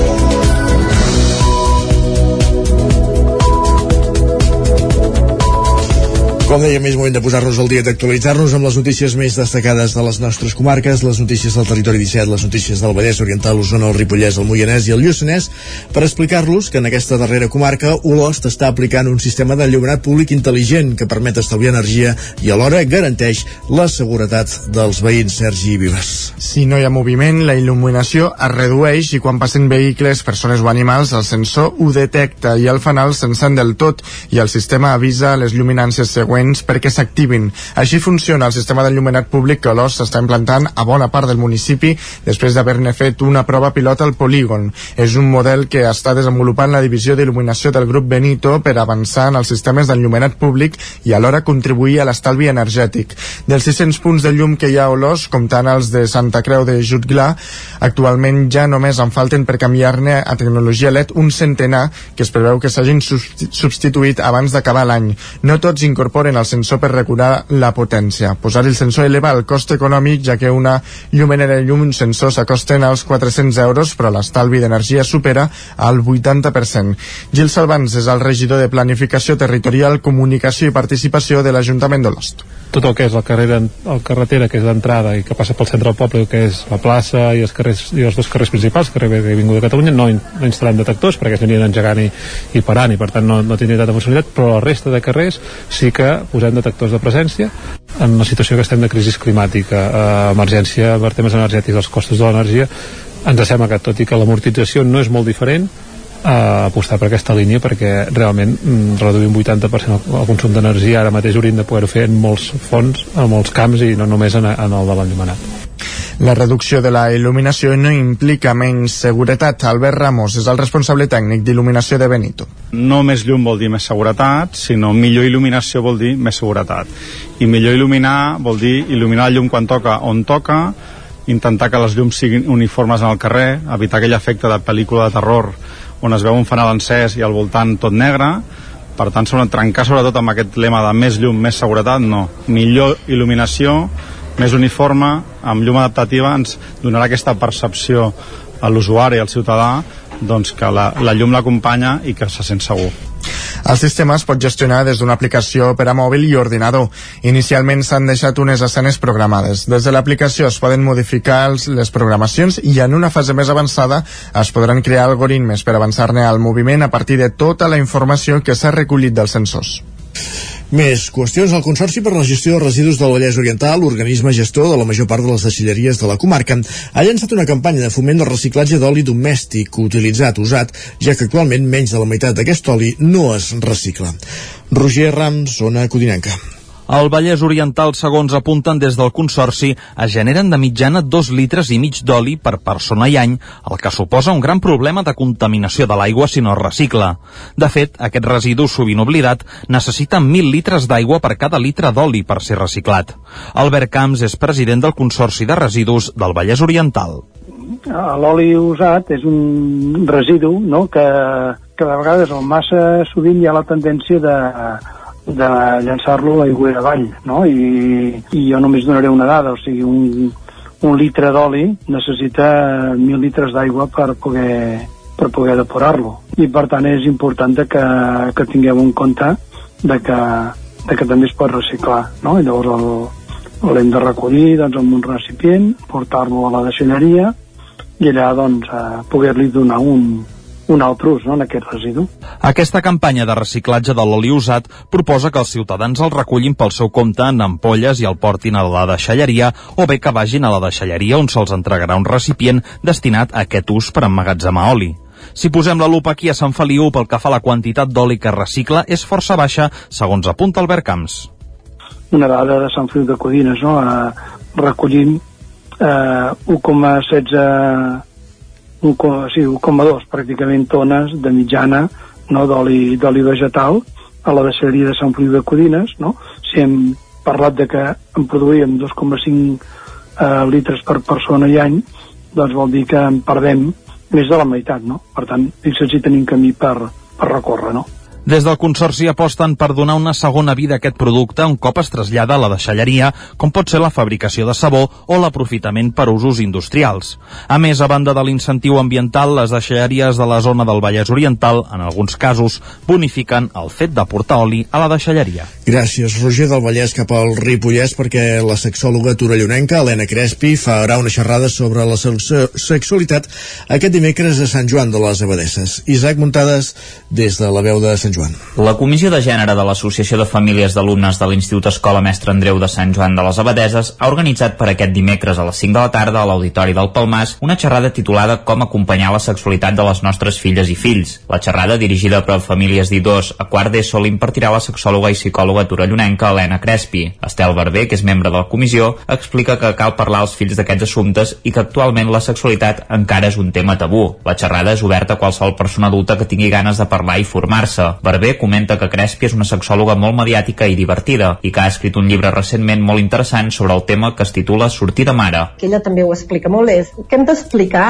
amb um, educació sexual segons cada edat i que entenguem que l'educació sexual no és només parlar de genitals i de pràctiques sexuals, no? sinó que té a veure molt més amb l'autoestima, la seguretat, com et relaciones amb tu mateix, amb les altres persones, amb el teu cos i no ho sé, eh, perquè també han anat sortint de vegades que en parlem i mares i pares, moltes vegades quan a casa nostra surt algun tema sexual que els nanos plantegen o tot i callem, o perquè no sabem la resposta i tot, aquest callar també estem educant, perquè no estem parlant d'un tabú. Aquesta comissió de gènere la va engegar l'AFA fa pocs mesos, però ja han fet més activitats i en tenen previstes d'altres. Gràcies a una subvenció del Ministeri d'Igualtat del Pacte contra la Violència de Gènere, s'ha fet una obra per nens d'infantil i primària de la companyia La Pantomima que es titulava Estereotips, i aquest divendres faran dos tallers pels alumnes de secundària de l'institut a càrrec del col·lectiu Guiterna. Es farà un taller d'autodefensa per noies i un de noves masculinitats per nois. De cara a l'any vinent volen engegar un projecte integral al centre per implementar una escola coeducadora no sexista i lliure de violències de gènere.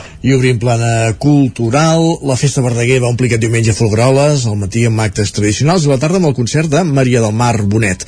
La jornada va començar amb la Fira del Llibre Vell de Poesia i els tradicionals ballets que van tenir com a convidada d'honor la directora de la Institució de les Lletres Catalanes, Isaskun Arretxe Sergi. Joies sobre Verdaguer i la poesia, tal com ho definien des de la Fundació Verdaguer, van omplir les parades de la Fira del Llibre Vell de Poesia aquest diumenge al matí a Folgueroles, que incorporava una mostra d'enquadernació. Era el dia central de la festa Verdaguer en què, com és habitual, es van interpretar els tradicionals balls, eh, els tradicionals ballets al so del flaviol i el tamborí. Xavier Rubiros, l'alcalde de Folgueroles. Té la gràcia que barreja el que seria festa major, o sigui, festa popular, i el que serien festes eh, acadèmiques i de poesia. I llavors aquesta barreja la fa molt interessant. Com és habitual, la convidada d'honor de la festa, en aquest cas Izaskun Arretxe, directora de l'Institut de les Lletres Catalanes, va participar com a part del públic en la darrera dansa. Ella mateixa va ser qui després va fer el Parlament d'homenatge a Verdaguer. Jo crec, jo crec que Verdaguer, com tota la bona literatura i com tots els clàssics, i Verdaguer és claríssimament un dels nostres poetes nacionals, es pot llegir en clau segle XXI. Què vol dir això? Vol dir que quan el llegeixes et, et, et toca diferents elements que te'ls pot tocar des del coneixement de la tradició literària o sense aquest coneixement. Evidentment, com més, més vas contextualitzant-lo, eh, eh, més a fons hi arribes, però no caldria fins i tot contextualitzar-lo, i això és el que fa eh, que sigui un clàssic viu. La festa havia començat divendres amb la presentació de Verdaguer dia a dia, que forma part d'una nova col·lecció de Verdaguer Edicions. Jordina Boix és la directora de la Fundació Verdaguer. I amb un primer volum de referència, que és la cronologia de Verdaguer, Verdaguer dia a dia, aquest Verdaguer en què podem veure durant 5.000 dies, situar-lo en què, quines cartes rebia, quins homenatges se li feien, què escrivia, què publicava, tot allò documentat sobre ell, amb una ordenació molt valuosa pels investigadors, però també molt interessant pels curiosos que es volen apropar l'obra. Un dels moments més esperats de la jornada va ser en el moment de les danses al Vall de la Muntanya de Folgueroles, que només es balla un cop a l'any i en què els grups comparteixen per veure qui aguanta més estona les balladores en l'aire. I és moment també de fer balanç de la Fira Sant Isidre de Cardedeu que s'ha celebrat aquest cap de setmana amb una mirada posada al cel. Pol Grau, Ràdio Televisió Cardedeu. L'aigua ha estat la protagonista de la 38a Fira de Sant Isidre, que ha inaugurat l'alcalde de Cardedeu, Enric Oliver, a la pista coberta del Parc Pompeu Fabra pel risc de pluja. La fira ha tornat amb el bestiar, la mostra gastronòmica i la zona d'entitats i comerços. A més, l'espai agroecològic estarà dedicat a l'aigua com a bé comú, amb una programació específica d'activitats i tallers com l'espectacle de bombolles de Pep Bou. Home, arrel de que hi ha el tema de l'aigua, doncs jo, l'aigua és un element bàsic, molt bàsic, i una mica de sabó, doncs em van, dir, em van convidar a, a fer una mica d'intervenció en aquesta zona que esperem que no hi hagi massa vent i que, i que de veritat n'hi ha eh? i per tant esperem que les bombolles eh, siguin per inaugurar una mica aquest tema de l'aigua i, i ens il·lusioni una mica tots amb la imatge de la bombolla Com cada any, a part dels pinetons s'ha col·locat la mostra gastronòmica en diverses paradetes de locals cardedeuencs nosaltres fem una cuina tradicional catalana amb un toc eh, modern, per dir-ho d'alguna manera. Eh, tenim obert tots els dies, fem també tapes a les nits de l'estiu i bueno, més pràcticament és això del que es tracta. Avui hem portat mira, arròs negre, bacallà gratinat a la musselina d'alls, patates d'olot farcides de carn i callos amb cigrons. Una truita de patata amb ceba caramelitzada, humus de cigrons i remolatge, el nostre guacamole, aletes de pollastre cruixents, botifarres, calivada i croquetes de sobrassada i ou ferrat. A la mostra han participat diferents restaurants de Cardedeu i voltants. Gràcies, Pol. Acabem aquí aquest repàs informatiu que començàvem al punt de les 10 i algun minut, en companyia de Pol Grau, Roger Rams, Isaac Muntades i Sergi Vives. És moment al territori 17 de saludar de nou el nostre home del temps, en Pep Acosta.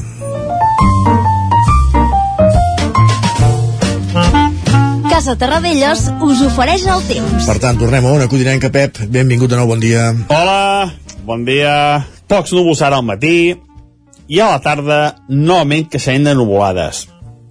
Avui encara eh, hi pot haver menys pluges que ahir, la probabilitat de pluja encara és menys important, mm, potser s'escapen quatre gotes cap a Montseny, cap a les Guilleries, però serien, això sí, eh, quatre, quatre gotes, eh, eh inclús menys que ahir, encara menys probabilitat de, de pluja que ahir, molt poca, molt poca cosa.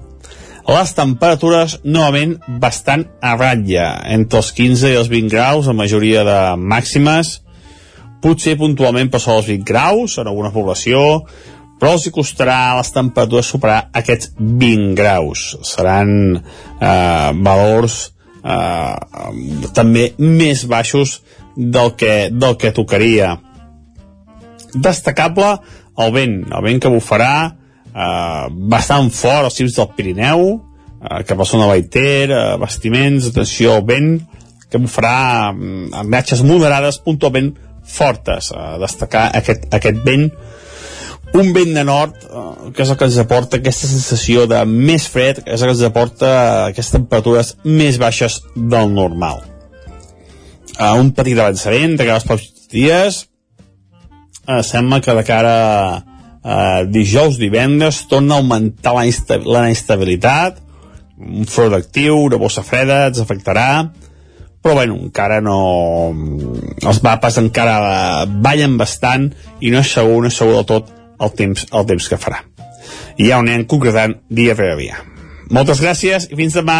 Adeu. Doncs gràcies, Pep. Anem seguint el cel dia a dia a dia i anem concretant dia a dia i quan es vagi acostant el cap de setmana ja acabarem de parlar a veure si hi ha més inestabilitat. Gràcies, parlem demà, tot seguit al Territori 17 parlem d'economia. Casa Tarradellas us ha ofert aquest espai.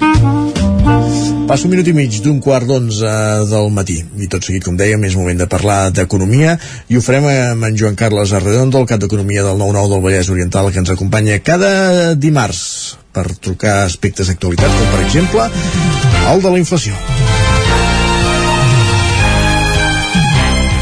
Un concepte, Joan Carles, el de la inflació, que fa dies que anem tocant, però que continua estant d'actualitat. Empeny un any, un any portem, eh? Un any, sí, el tema de la inflació. Potser una mica més, però sobretot va, va començar a pujar escandalosament al març, al març de l'any passat i encara hi som. I tot això porta derivades i porta diferents derivades i el que volia comentar és el, la qüestió de el, la pujada, les pujades de tipus d'interès que estan decidint les autoritats monetàries centrals. Uh -huh. L'objectiu sempre de, de pujar tipus d'interès és refredar l'economia. Refredar l'economia vol dir que hi hagi menys consum, perquè com que hi haurà menys demanda, en principi els preus d'oferta haurien de baixar.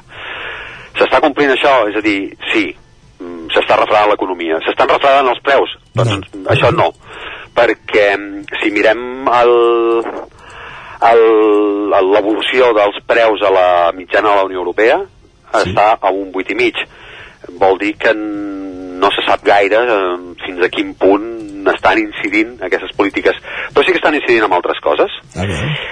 um, per exemple um, um, es comença a traduir en una reducció de la concessió de crèdits um, anem, anem a dades del mes de març a tot l'estat, eh? són, són dades de tot l'estat uh, que es, es van donar a conèixer fa unes setmanes, eh? les va donar a conèixer al Banc d'Espanya. Eh, segons aquestes dades, el volum de crèdits es va reduir un 1,2% a les famílies i un 1,4% a les empreses, tots els casos en termes interanuals, eh, des de març de l'any passat a març d'aquest any. És cert que aquest és efectivament un símptoma de refredament de, de, refredament de l'economia, això és el que desitgen els bancs centrals quan, quan apliquen aquesta, mm, en diré, ortodoxia. Eh? Eh, el que diu l'ortodoxia és això, el que diuen els fets de moment no. Eh? perquè s'està refredant sí l'economia, però una altra cosa és el que dèiem al principi, és si es refreden els preus. Seria un símptoma de refredament de l'economia, però també darrere la dada s'amaguen altres fenòmens probablement més inquietants que ara intentem desplegar una mica. Endavant. Les dades revelen que amb molta probabilitat les famílies i les empreses s'ho pensen més a l'hora de demanar un crèdit. És lògic, eh? Li resultarà sensiblement més car que en l'època dels interessos a zero. Eh, però eh, les enquestes del Banc Central Europeu assenyalen que les entitats bancàries també s'ho estan pensant més a l'hora de concedir préstecs. Busquen el que en diuen el que en deien demanda solvent, eh? això ja és una mica vintage, era l'expressió que es feia servir en temps de eh, de la crisi financera en la qual encara de crèdits encara se'n donaven menys cara eh? Eh, això, eh, amb demanda solvent eh, gent amb capacitat de respondre davant de, el, de, de, de, de la responsabilitat que assumeix quan, quan, demana, quan demana un crèdit no? El Banc Central Europeu ha elaborat eh, això, eh, aquestes enquestes a partir d'entitats bancàries i mm, el, el que conclou és, eh, gairebé seria entre cometes, que el ritme d'enduriment dels nivells de crèdit dels dos darrers trimestres és el més gran que s'ha observat des de la crisi del deute sobirà. Eh? Recordem Draghi dient salvarem l'euro, passi el que passi, etc. Eh? 2011. Doncs eh, això, 2011-2012. Eh, això és el que... Eh, que o sigui, estem en, gairebé en aquestes dimensions. Eh? Sí, déu nhi encara més, no s'havien rebutjat tantes peticions de préstecs des de 2015. Carai. I per què des de 2015? Perquè és quan es comença a comptar. Eh? Vull dir, no, no, no, no se sap si abans n'hi havia més, eh? però de, des de 2015 no hi havia hagut mai una, tan, tan, tants crèdits rebutjats. No és improbable que el sector bancari hagi après alguna lliçó dels anys aquells de la crisi de què parlàvem abans i que sigui molt més previngut que llavors. Eh? Uh, ho és encara menys d'improbable que la prevenció que mostren els bancs provingui precisament del mateix eh, encariment dels costos de crèdits. El mes de març de 2022, el tipus d'interès que es demanava per un crèdit eh, de fins a 250.000 euros a empreses era d'un 1,70%. Un any després ja supera el 4%. Estem aquí multiplicant per 2,3. Eh, quan augmenta el tipus d'interès, augmenta la quota que s'ha de pagar per retornar el préstec, això és evident, i si qui el demana, si qui el demana el crèdit està en una situació delicada, la possibilitat de tornar aquests diners eh, és diguem-ne, de, de fet la possibilitat que no els torni eh, sí. augmenta. Eh, la solució que prenen els bancs és, és, és no aconseguir el préstec i així no hi ha risc. Una mica aquella vella expressió sobre els bancs de, que, que dona el paraigües quan fa sol i te'l pren quan plou, sí. doncs una mica, no? el que està en situació més desesperada no li concedeixen el crèdit. No? Um, en temps d'expansió, sobre l'aixeta del crèdit, en temps de dificultats es tanca. Eh? Una mica estaríem en aquest punt. A la vista del que explica el director de consultoria de PIMEC, Pere Cots, eh, a l'economista i periodista Jordi Goula, això ho podeu veure en un recent article a VilaWeb, eh, la restricció del crèdit a les empreses no arriba almenys fins ara a ser preocupant. Per tant, posem, posem gots mig, mig plens en comptes de mig buits. Eh? El panorama de les empreses s'ha aclarit en el sentit que les grans afectacions per la pandèmia de la Covid o bé es van poder trampejar amb els, amb els ajuts i els crèdits ICO, o bé van portar les empreses en situació més delicada directament al tancament. Eh? Per tant, hi ha hagut un aclariment de, de, del panorama. Eh? Les que estaven més fumudes, diguem-ne, ja, ja, ja, ja han baixat la persiana. En, de tota manera, tot això, aquesta expressió, que evidentment aquest senyor que està en contacte directe amb les empreses, eh, el director de consultoria de PIMEC, Pere Cots, eh, però tampoc és exactament el que revelen les dades de concursos de, de, de concursos de creditors del primer trimestre, del primer um, ho dic malament, del primer trimestre. Sí. Això ho han comunicat els registradors, hi ha un 67% més de concursos de creditors, el que l'antiga suspensió de pagaments, per entendre'ns, sí. doncs un 67% més, més que fa un any, Carai. això són dades de tot l'estat. Mirarem de veure el, el got mig ple, eh, són un 11% menys que el trimestre anterior. Eh? Com, també posem això, és a dir, sí, sí. l'any passat s'ha de recordar que el període del primer trimestre encara estava vigent la moratòria de concursos de creditors, eh? era aquella moratòria ho, ho hem explicat aquí, que deia que els administradors no tenien responsabilitat si els seus comptes portaven un concurs de creditors i no el presentaven, que, cosa que ara que s'ha acabat la moratòria sí que passa. Eh? Mm, fet, fet aquest aclariment. Doncs, per tant, estem en la banda empresarial i segons la percepció d'aquest directiu de la patronal PIMEC, eh, que és coneixedor del sector, els problemes per la prevenció addicional de la banca en, en la concessió de crèdits no és ara mateix un entrebanc. Les empreses evolucionen raonablement bé, en el veritable camp de mines que suposa la inflació, l'augment de tipus d'interès, la muntanya russa dels costos energètics, les restriccions d'accés a la primera matèries i per sobre la guerra d'Ucraïna, no?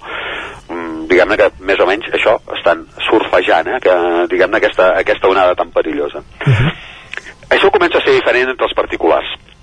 D'entrada, perquè els que busquen un, sobretot per als que busquen un crèdit hipotecari.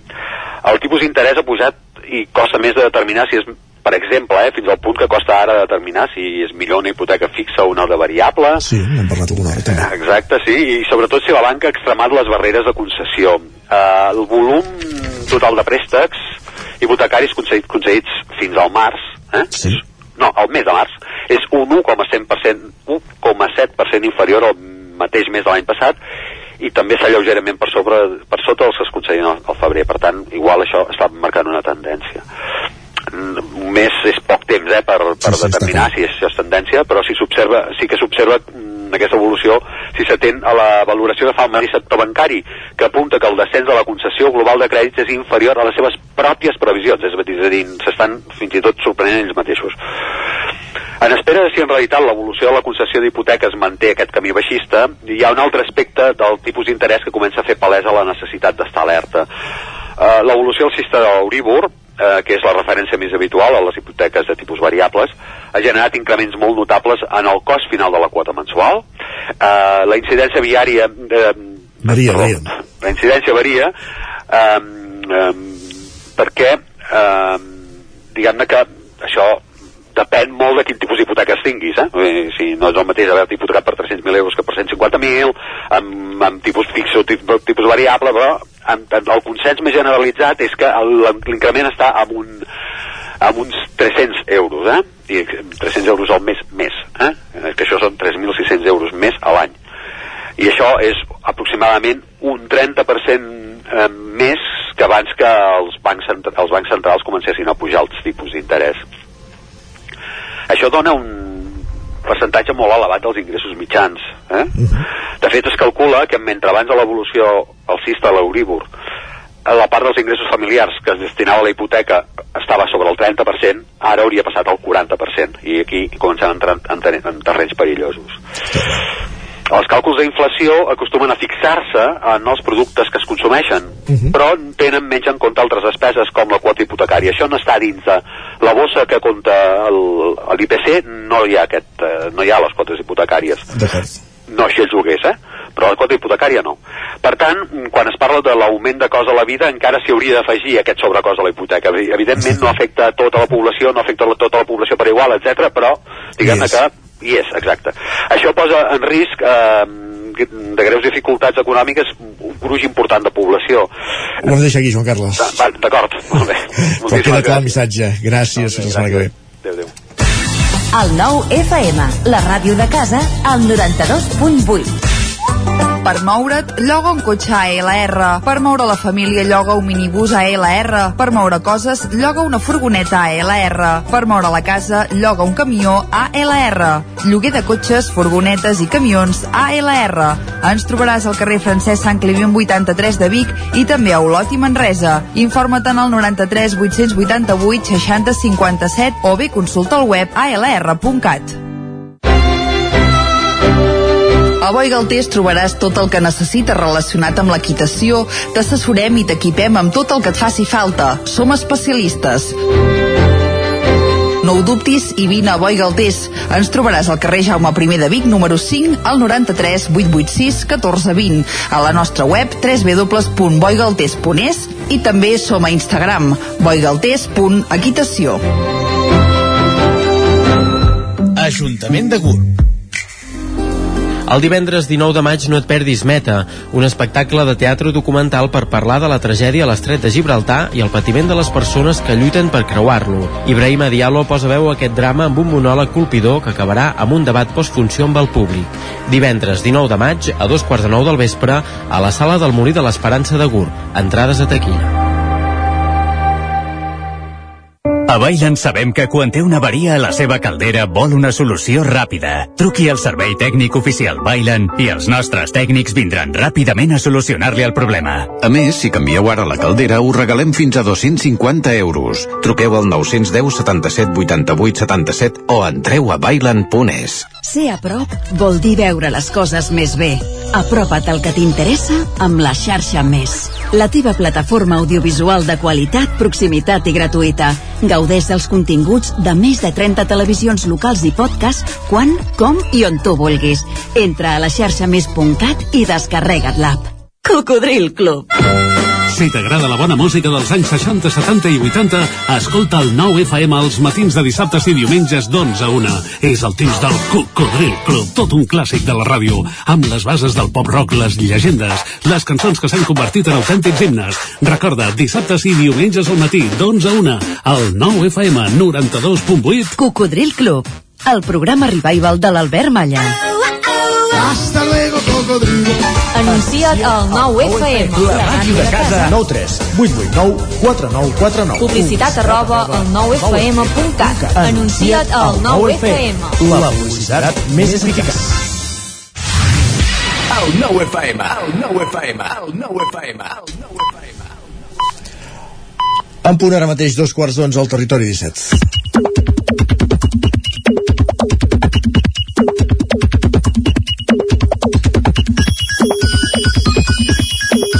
I això vol dir que al territori 17 qui ens acompanya ara mateix és en Guillem Sánchez, qui el tenim als estudis del 9FM. Benvingut, Guillem, bon dia. Què tal, Isaac, com estem? Bé, i tu? Doncs mira, estem d'aniversari. Ah, sí? Es veu que sí. Perquè fa una setmana que el Lluçanès és comarca, no? Ah, d'acord. I ho hem d'anar celebrant, No, no, és això. que... Més germana sí que fa anys avui, però no, no, no, no, no passava per aquí la cosa. Doncs va, com dèiem, ara bé, jo després de llegir la següent conversa per Twitter, Isaac, encara tinc dubtes que tothom sàpiga on és el Lluçanès o Ah, ja, cap, on, sorprèn-me. cap on va. Ens diuen, conversa entre unes universitàries residents a Vic, esmorzant. Una diu, Lluçanès, què és eso? Una comarca o algo així, tia? I d'on està? Entre Vic i Granollers. I què hi ha? Sant Hipòlit de Voltregà. Ni idea, tia. Una tercera s'ho mirava i n'hi ha intervingut. Pateixo. Jo sí que pateixo. Jo sí que pateixo amb tots ells. Entre Vic i Granollers. Entre Vic i Granollers. El territori és molt ampli, eh? De Sí, fet, sí. s'ha de, s'ha de reconèixer. Com a mínim potser són oïdores del territori 17, perquè com a mínim els sonen dues, dues ciutats de les nostres comarques. Si se senten al·ludides o hi ha algú que vulgui trucar per donar la seva versió dels fets, que ens truqui també, que potser hi ha algú que ens està escoltant i que estàvem parlant, de fet, d'aquestes dues noies. Per tant, animem a, a, a tothom a compartir coneixements. Molt bé. Va, i parlant de nous territoris i noves comarques, atenció a la confessió que ens fa l'Enzo. Diu, si jo fos d'Osona o de l'Empordà, ningú dubtaria que seria català però sóc de l'Alguer i he de demostrar a molta gent que sóc català i ho faré, mai em cansaré diu, estic orgullós de dir que l'Alguer és la comarca més catalana i més bonica de la república I si fos del Baix Llobregat també, eh? També. també, també és català, eh? però potser hi ha gent que li semblaria menys, no sé. Ah, sí? Carai. per l'exemple que ens has posat. Ai, doncs va, per gustos colors, però canviem de tema. Atenció a la reflexió que ens fa l'Èlia només començar la jornada. Ens diu, és fer el llit i sortir de casa pensant que encara que el dia vagi molt a pitjor, una cosa com a mínim hauràs fet bé. Doncs bé, mira, una El llit. cosa que ja tens, que ja tens feta. feta, molt bé. I mireu que ens escriu l'Eric de Bon Matí. Eric de Bon Matí, va, digues. Ens diu, la meva àvia ha entrat a casa meva, ha obert tots els porticons de la meva habitació i m'ha dit va gandul, aixeca't del llit i vés cap a l'hort a recollir maduixes. Ha, arri ha arribat la millor època de l'any, tots els àpats es milloren, els dies ja es fan de baixada. Volem àvies com la de l'Eric, molt bé. I volem maduixes com les de l'hort de l'àvia de l'Eric també, que si ens les volen enviar eh, les poden fer arribar directament aquí Sí, a la als, plaça de la Catedral de Vic. als estudis. Va, en Carles ens deixa anar una pregunta. Ens diu... Pregunta, Carles. Els que, vau, els que vareu treure el nòrdic del llit, esteu bé? fins quan? Fins quan el nòrdic? No sé si en Pep Acosta ens ha donat alguna pista aquests Eh, No, dies no, o... no, això com que és tan personal i tan... Sí. Si no, una manta per sobre, no? Si has tret el nòrdic, pots, Exacte. pots recuperar alguna És manta i, i la poses per sobre. Va, i mireu quina aportació ens fa el següent usuari també ben d'hora al matí. Ens diu, el meu fill em diu, papa, quan jo treballi t'ajudaré amb totes les despeses de la casa. M'han caigut les llàgrimes. 28 anys té el nen. Ah, carai. No sé si és bo o és dolent, això. Uh, anem tard, anem, Anem. tard. La primera resposta per això que li fan és la següent. Diu, suposo que és conya, però el meu m'ho va dir als 14. Diu, ara als 25, mig treballa, va al supermercat un cop al mes i es compra les seves coses que jo no li compro. Vet aquí la seva, entre cometes, ajuda. Aportació, sí, sí. I el primer usuari li torna a dir, diu, evidentment, és conya. Diu, per sort tinc un fill amb 28 anys, enginyer aeronàutic, màster en drons i pilot de drons, màxima categoria, treballant des dels 22 en ciberseguretat i essent totalment autònom. Diu, Així, així potser ja t'ha jubilat i tot. Diu, postdata, viu al pis de sobre meu. Ah, veus? Vol dir que encara en tinc algun tà, però Sí, anar a sí. dormir algun dia o rentar la roba potser encara... Encara passa. Encara cau. Va, i un parell o tres de punts més abans d'acabar la secció de- d'avui. El primer, el de la Marta, diu, em sembla que amb una mica d'ironia, diu, a la ràdio s'han preguntat si la gent que va saltar al camp de l'Espanyol diumenge llegeixen o no. Clar que sí, aquest és el tema. Si haguessin llegit en Teo va al futbol i no salta al camp a trencar càmeres i intimidar jugadors, això no hauria passat, està clar. Diu segur, seguríssim. Exacte. Jo crec que amb una mica d'ironia, no? Podem, podem dir-ho així? Bastanta. Bastanta. Va, i en Guillem ens va fer una aportació també avui per si algú se sent al·ludit. Diu que vingui el senyor que va inventar això que els taps de les ampolles es quedin enganxats i no es puguin treure del tot, que li explicarem també quatre cosetes. Doncs mira, eh, no costa res eh, fer-li cas al senyor en qüestió, a mi no em sembla tan malament. No? És igual, no. Va, i per acabar, una constatació d'en Jordi que ens diu feia tal vent ahir a l'estació de la Tor de Carol que era tan, tan fred que l'aigua de l'ampolla que duia la motxilla va acabar ben i ben freda. Aquest segur no, que és, no et cal nevera? aquest segur que és d'un dels que encara no ha tret el nòrdic de, de llit, segurament, Isaac. El Tor de Carol val més que no. Gràcies, Guillem. Que vagi molt bé. Adéu. Territori 17, el 9 FM, la veu de Sant Joan, Ona Codinenca, Ràdio Cardedeu, Territori 17.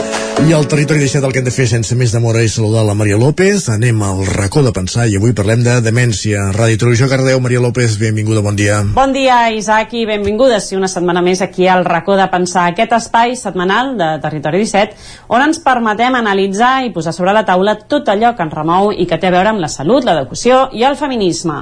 I avui volem inaugurar una mica aquesta nova possibilitat que ens dona el racó de pensar i en matèria de salut volem posar sobre la taula una de les malalties que més afecten a la nostra gent gran. Perquè si alguna cosa ens faltava fins ara, precisament aquí al racó, era incloure també a la gent gran i molts dels problemes socials i de salut que els afecten.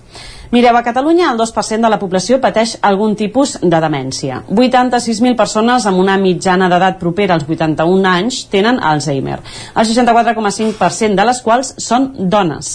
L'envelliment de la població comporta un augment de les persones afectades i aquesta afectació, com molts ja sabeu, no acaba només en la persona que la pateix, sinó que, com en la majoria de malalties, s'estén a les persones cuidadores del seu voltant que posats a dir veritats, també la immensa majoria són dones que es fan càrrec d'aquestes cures.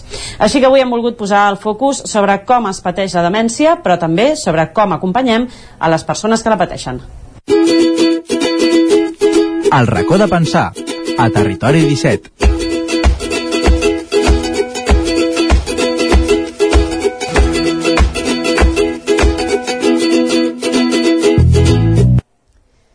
I per parlar de demència, avui rebem a l'estudi a la Carme Ruiz, que a part d'haver-nos acompanyat ja en diverses tertúlies al llarg de la història del racó, és educadora a l'Hospital Sant Jordi, l'Hospital de Dia de Demències de l'Hospital de Granollers. Bon dia, Carme, i gràcies per venir un altre cop aquí al racó de pensar ja que t'haurem de posar en nòmina, Carme, eh, directament. No cal, no cal.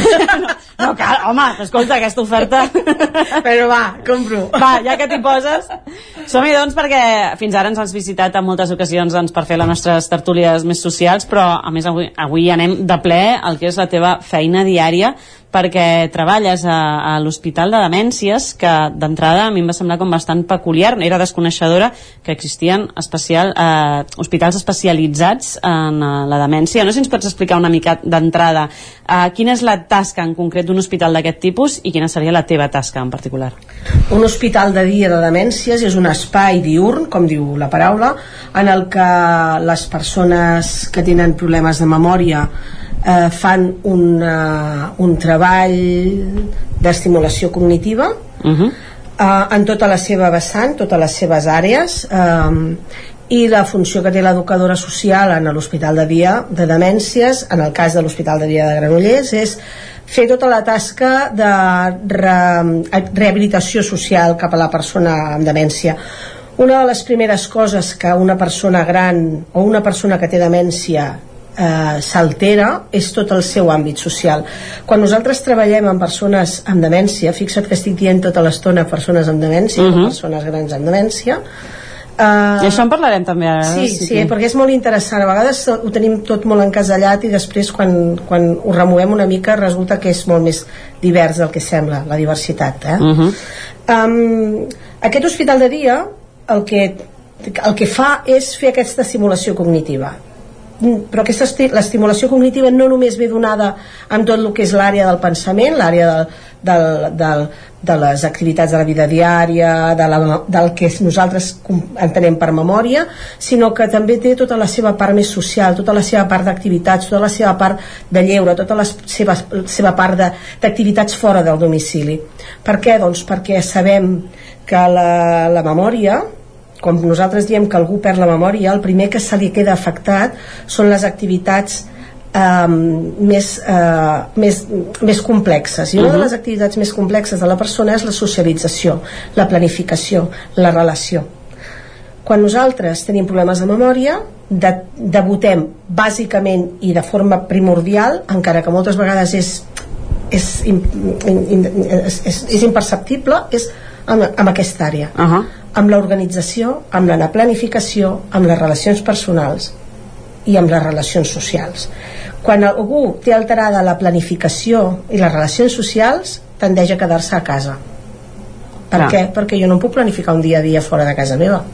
I jo no sóc capaç de relacionar-me amb normalitat amb les persones per moltes qüestions diverses però moltes vegades és perquè quan jo em relaciono sé com tinc uns cànons socials per relacionar-me amb tu quan tinc un problema de memòria el meu, la meva part frontal del cervell, que és la que em dona les ordres, les que em diu ara t'has de comportar així, ara has de dir això, ara això no ho diguis, això eh, no està ben, ben fet a la nostra societat, està de vacances, s'ha anat, anat, i aleshores ningú ens dona aquestes ordres. Per tant, en aquestes relacions, habitualment, ens comportem de forma, diguem-ne, entre cometes, maleducada. Uh -huh. D'acord? Per tant, trenquem aquesta norma.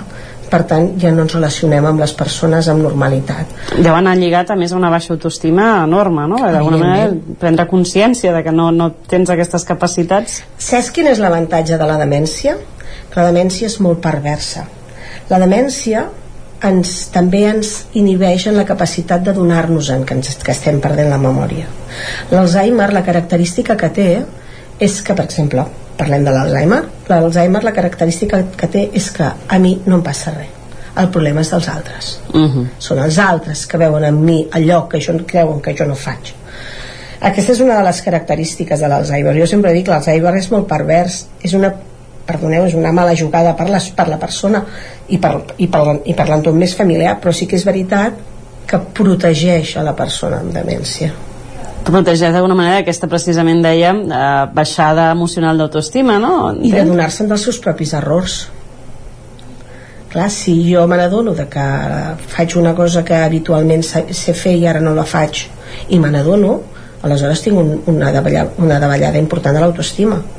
I si tinc una davallada important de l'autoestima no sóc capaç de relacionar-me. Però és Mhm. que l'Alzheimer el que fa és perdona, a mi no em passa res el problema el tens tu el problema és de l'altre, no? Ah, sí, sí, sí, què, què vols dir a mi no em passa res Uh -huh.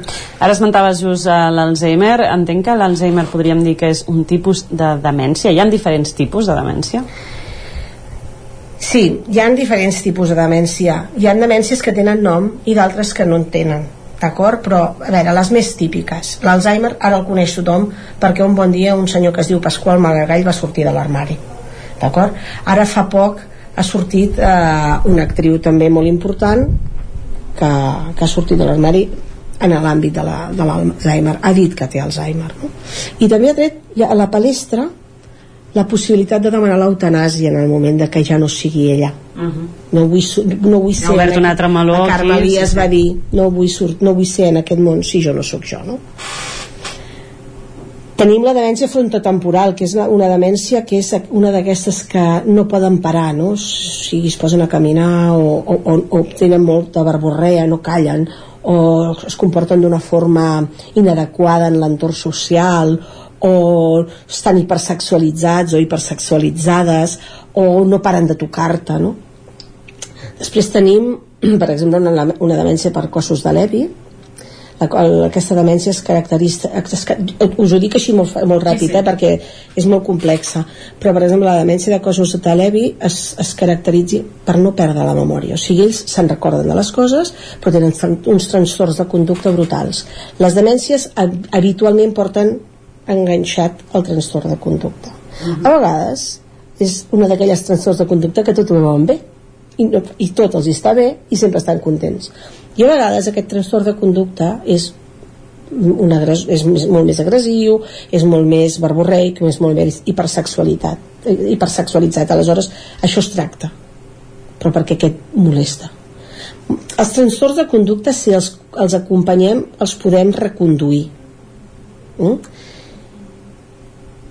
però no sempre Abans, de fet, una de les coses que has dit al principi és que no, no ho hem de lligar al concepte de la demència, precisament el tema de l'edat. Entenc que en aquestes, per exemple, que ens has dit ara, deuen haver algunes més típiques que sí que deuen potser anar més lligades a l'envelliment i altres potser no, o indiferent qualsevol d'aquestes? Mira, L'Alzheimer, per exemple, normalment sí que es vincula a part, o sigui, des del desconeixement absolut, eh?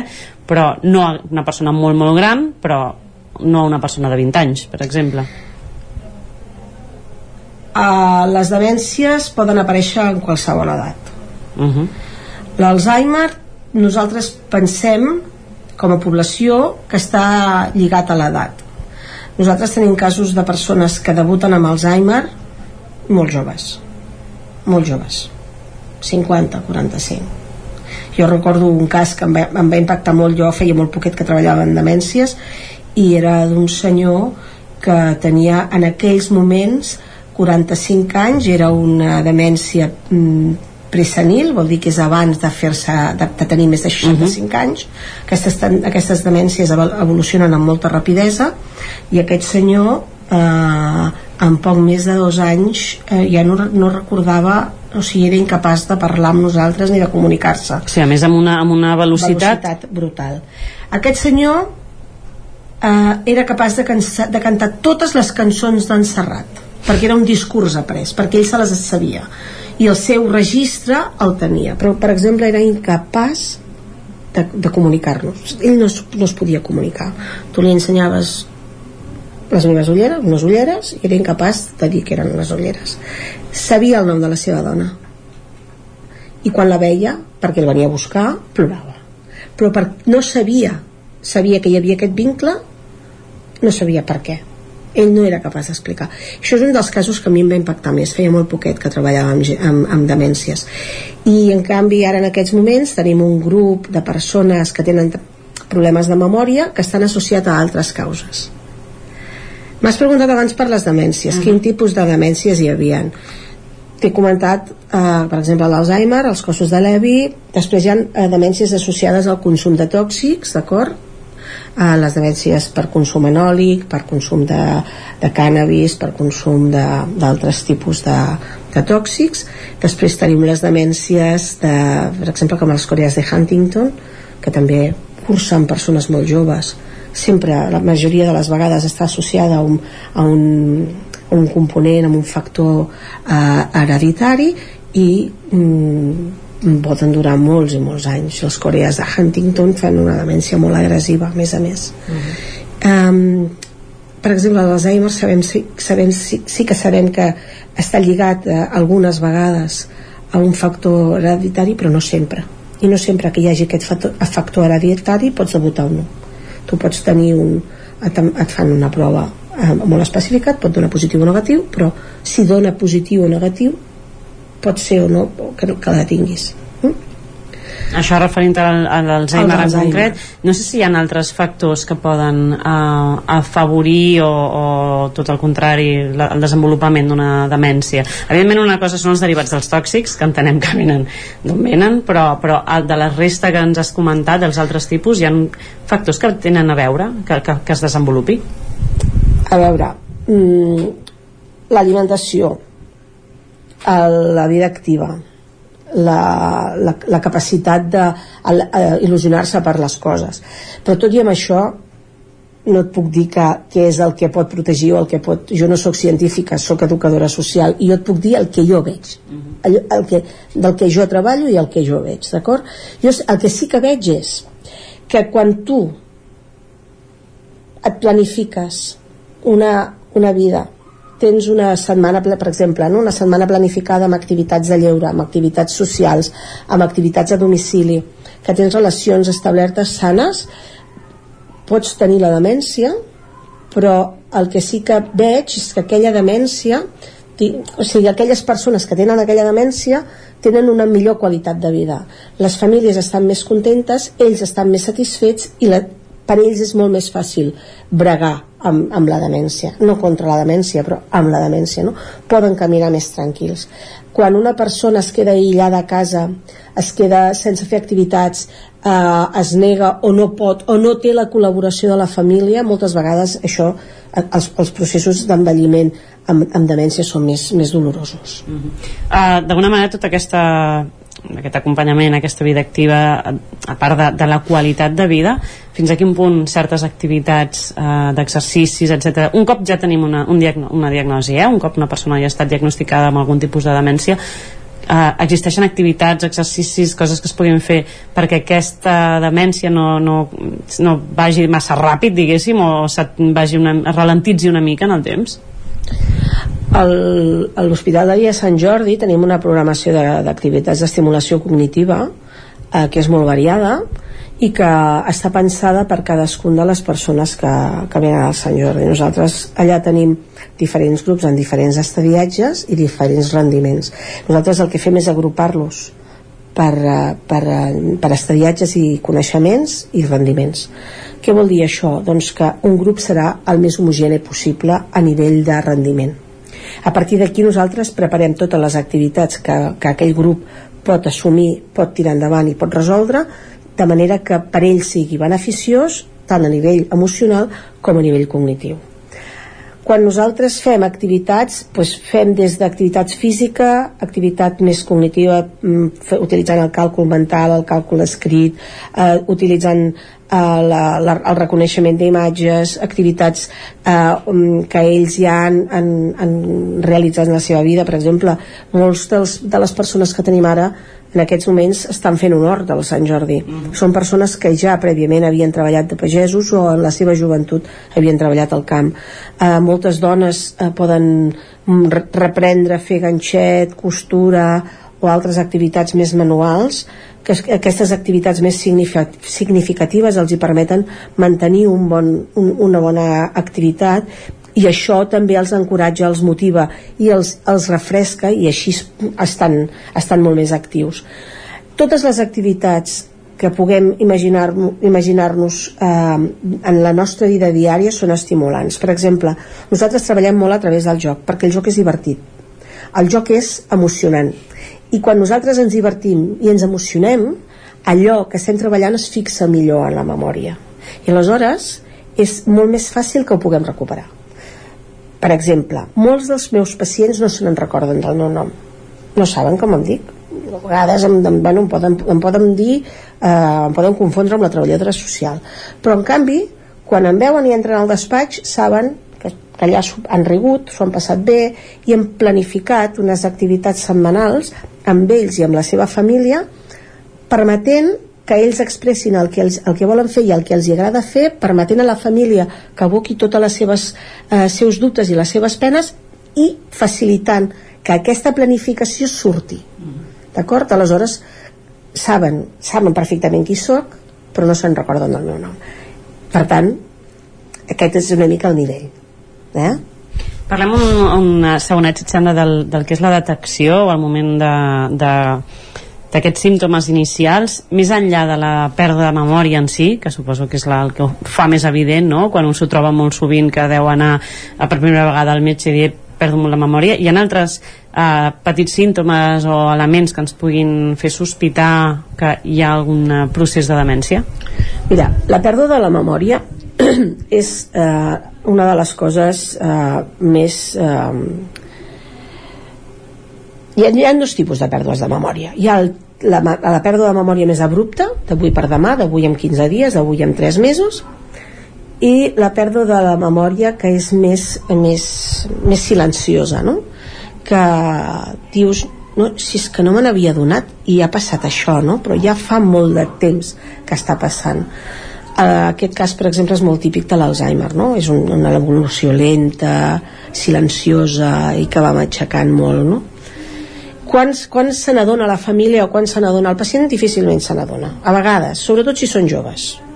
Si són joves, se n'adonen que alguna passa. Els grans és més fàcil que se n'adoni la família i hi ha alguna cosa que no, que no rutlla però no saben exactament què és quan es detecta en els casos de les persones grans sol ser ja en una fase no molt avançada, però sí que ja comencen a necessitar suport. I se n'han adonat precisament per això. Per la mateixa falta de memòria. O sigui, per la mateixa falta de... Per, per la necessitat de suport. Per la necessitat de... O sigui, però una cosa deriva de l'altra, d'alguna manera, Clar, no? Però el, el, moltes vegades, sobretot en persones grans, solen viure sols o en parella. Si viuen sols, no hi ha ningú que els supervisi. Jo no sé si la meva mare o el meu pare menja, dina, sopa o esmorzar. Jo no ho sé. Jo només ho sabré si veig que el meu pare o la meva mare s'ha primat. Clar, llavors, d'alguna manera hi ha una... Una, una, una, una, una alerta. Exacte, passa? i ja deu aportar un temps, perquè ah, fins que una que s'ha perdut o que s'ha primat, ja han d'haver-hi més de dos quilos, perquè si no, ni t'enteres, no? Exacte. Què passa? Doncs aleshores és, meu pare s'ha primat. Vaig a la nevera, obro la nevera i no hi ha res. No hi ha tres iogurts i estan caducats. I potser aquest senyor no menja, o aquesta senyora no menja. O només s'alimenta d'entrepans, perquè ja no sap cuinar. I d'alguna manera la seva ella és capaç de donar-se en que ja no sap cuinar allò li suposa tal esforç que no ho fa i el més fàcil és menjar pa amb fuet Uh -huh. d'acord? amb les persones més joves elles mateixes se n'adonen i aleshores sí que venen al metge, van al metge i diuen, "Escolta, em passa alguna cosa. Per exemple, mm, allò que és molt típic, no? L'altre dia, jo, jo sempre dic que un dia aquest ens trobem un pacient nostre en, el, en el, les notes aquelles del, dels Mossos, eh, desaparegut, data, no sé quantos, no? Uh, les persones amb problemes de memòria es desorienten i perquè sàpiga on va ara no vol dir que demà o aquesta tarda que resulta que han posat una tanca a la porta de casa i jo en comptes d'anar a la dreta vaig cap a l'esquerra i ja, ja no sé per on te vaig és molt fàcil que es desorientin. I és una de les coses que nosaltres incidim molt amb la desorientació de les persones no necessito que estigui molt avançat perquè algú es desorienti Maria, tu t'has perdut alguna vegada per algun lloc? Has fet així, diu, sí. que sí eh que sí?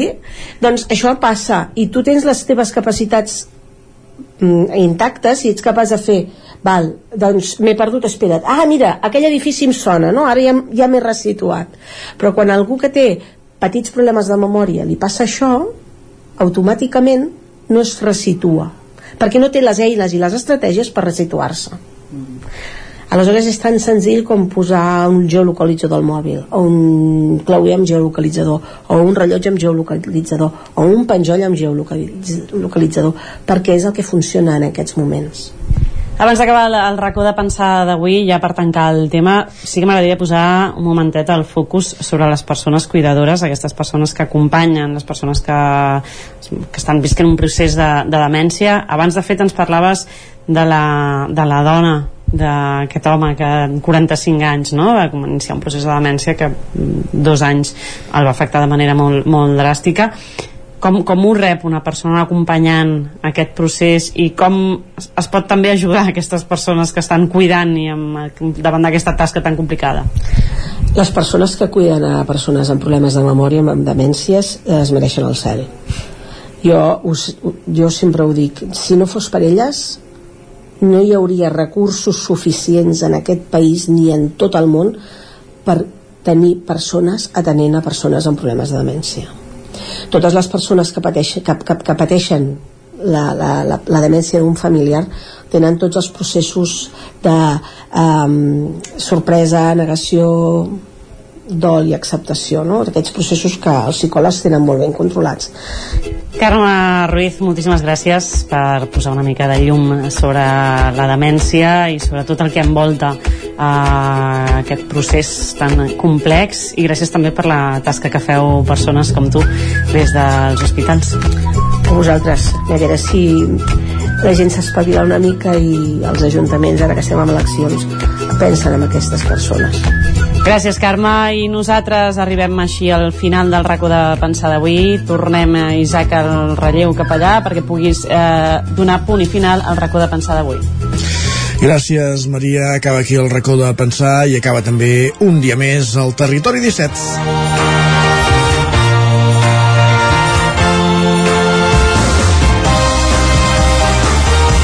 Arribem al punt de les 11 i això vol dir que el territori 17 s'acaba. Us hem acompanyat des de les 9 del matí durant dues hores. Pol Grau, Isaac Muntades, Roger Rams, Marc Ordeix, Pep Acosta, Joan Carles Arredondo, Guillem Sánchez, Maria López, Clàudia Dinarès, Sergi Vives i Isaac Moreno.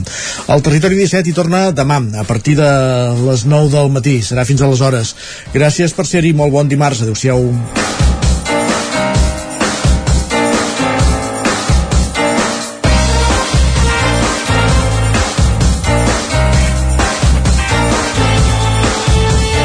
Territori 17, un magazín del nou FM. La veu de Sant Joan, Ona Codinenca i Ràdio Cardedeu amb el suport de la xarxa.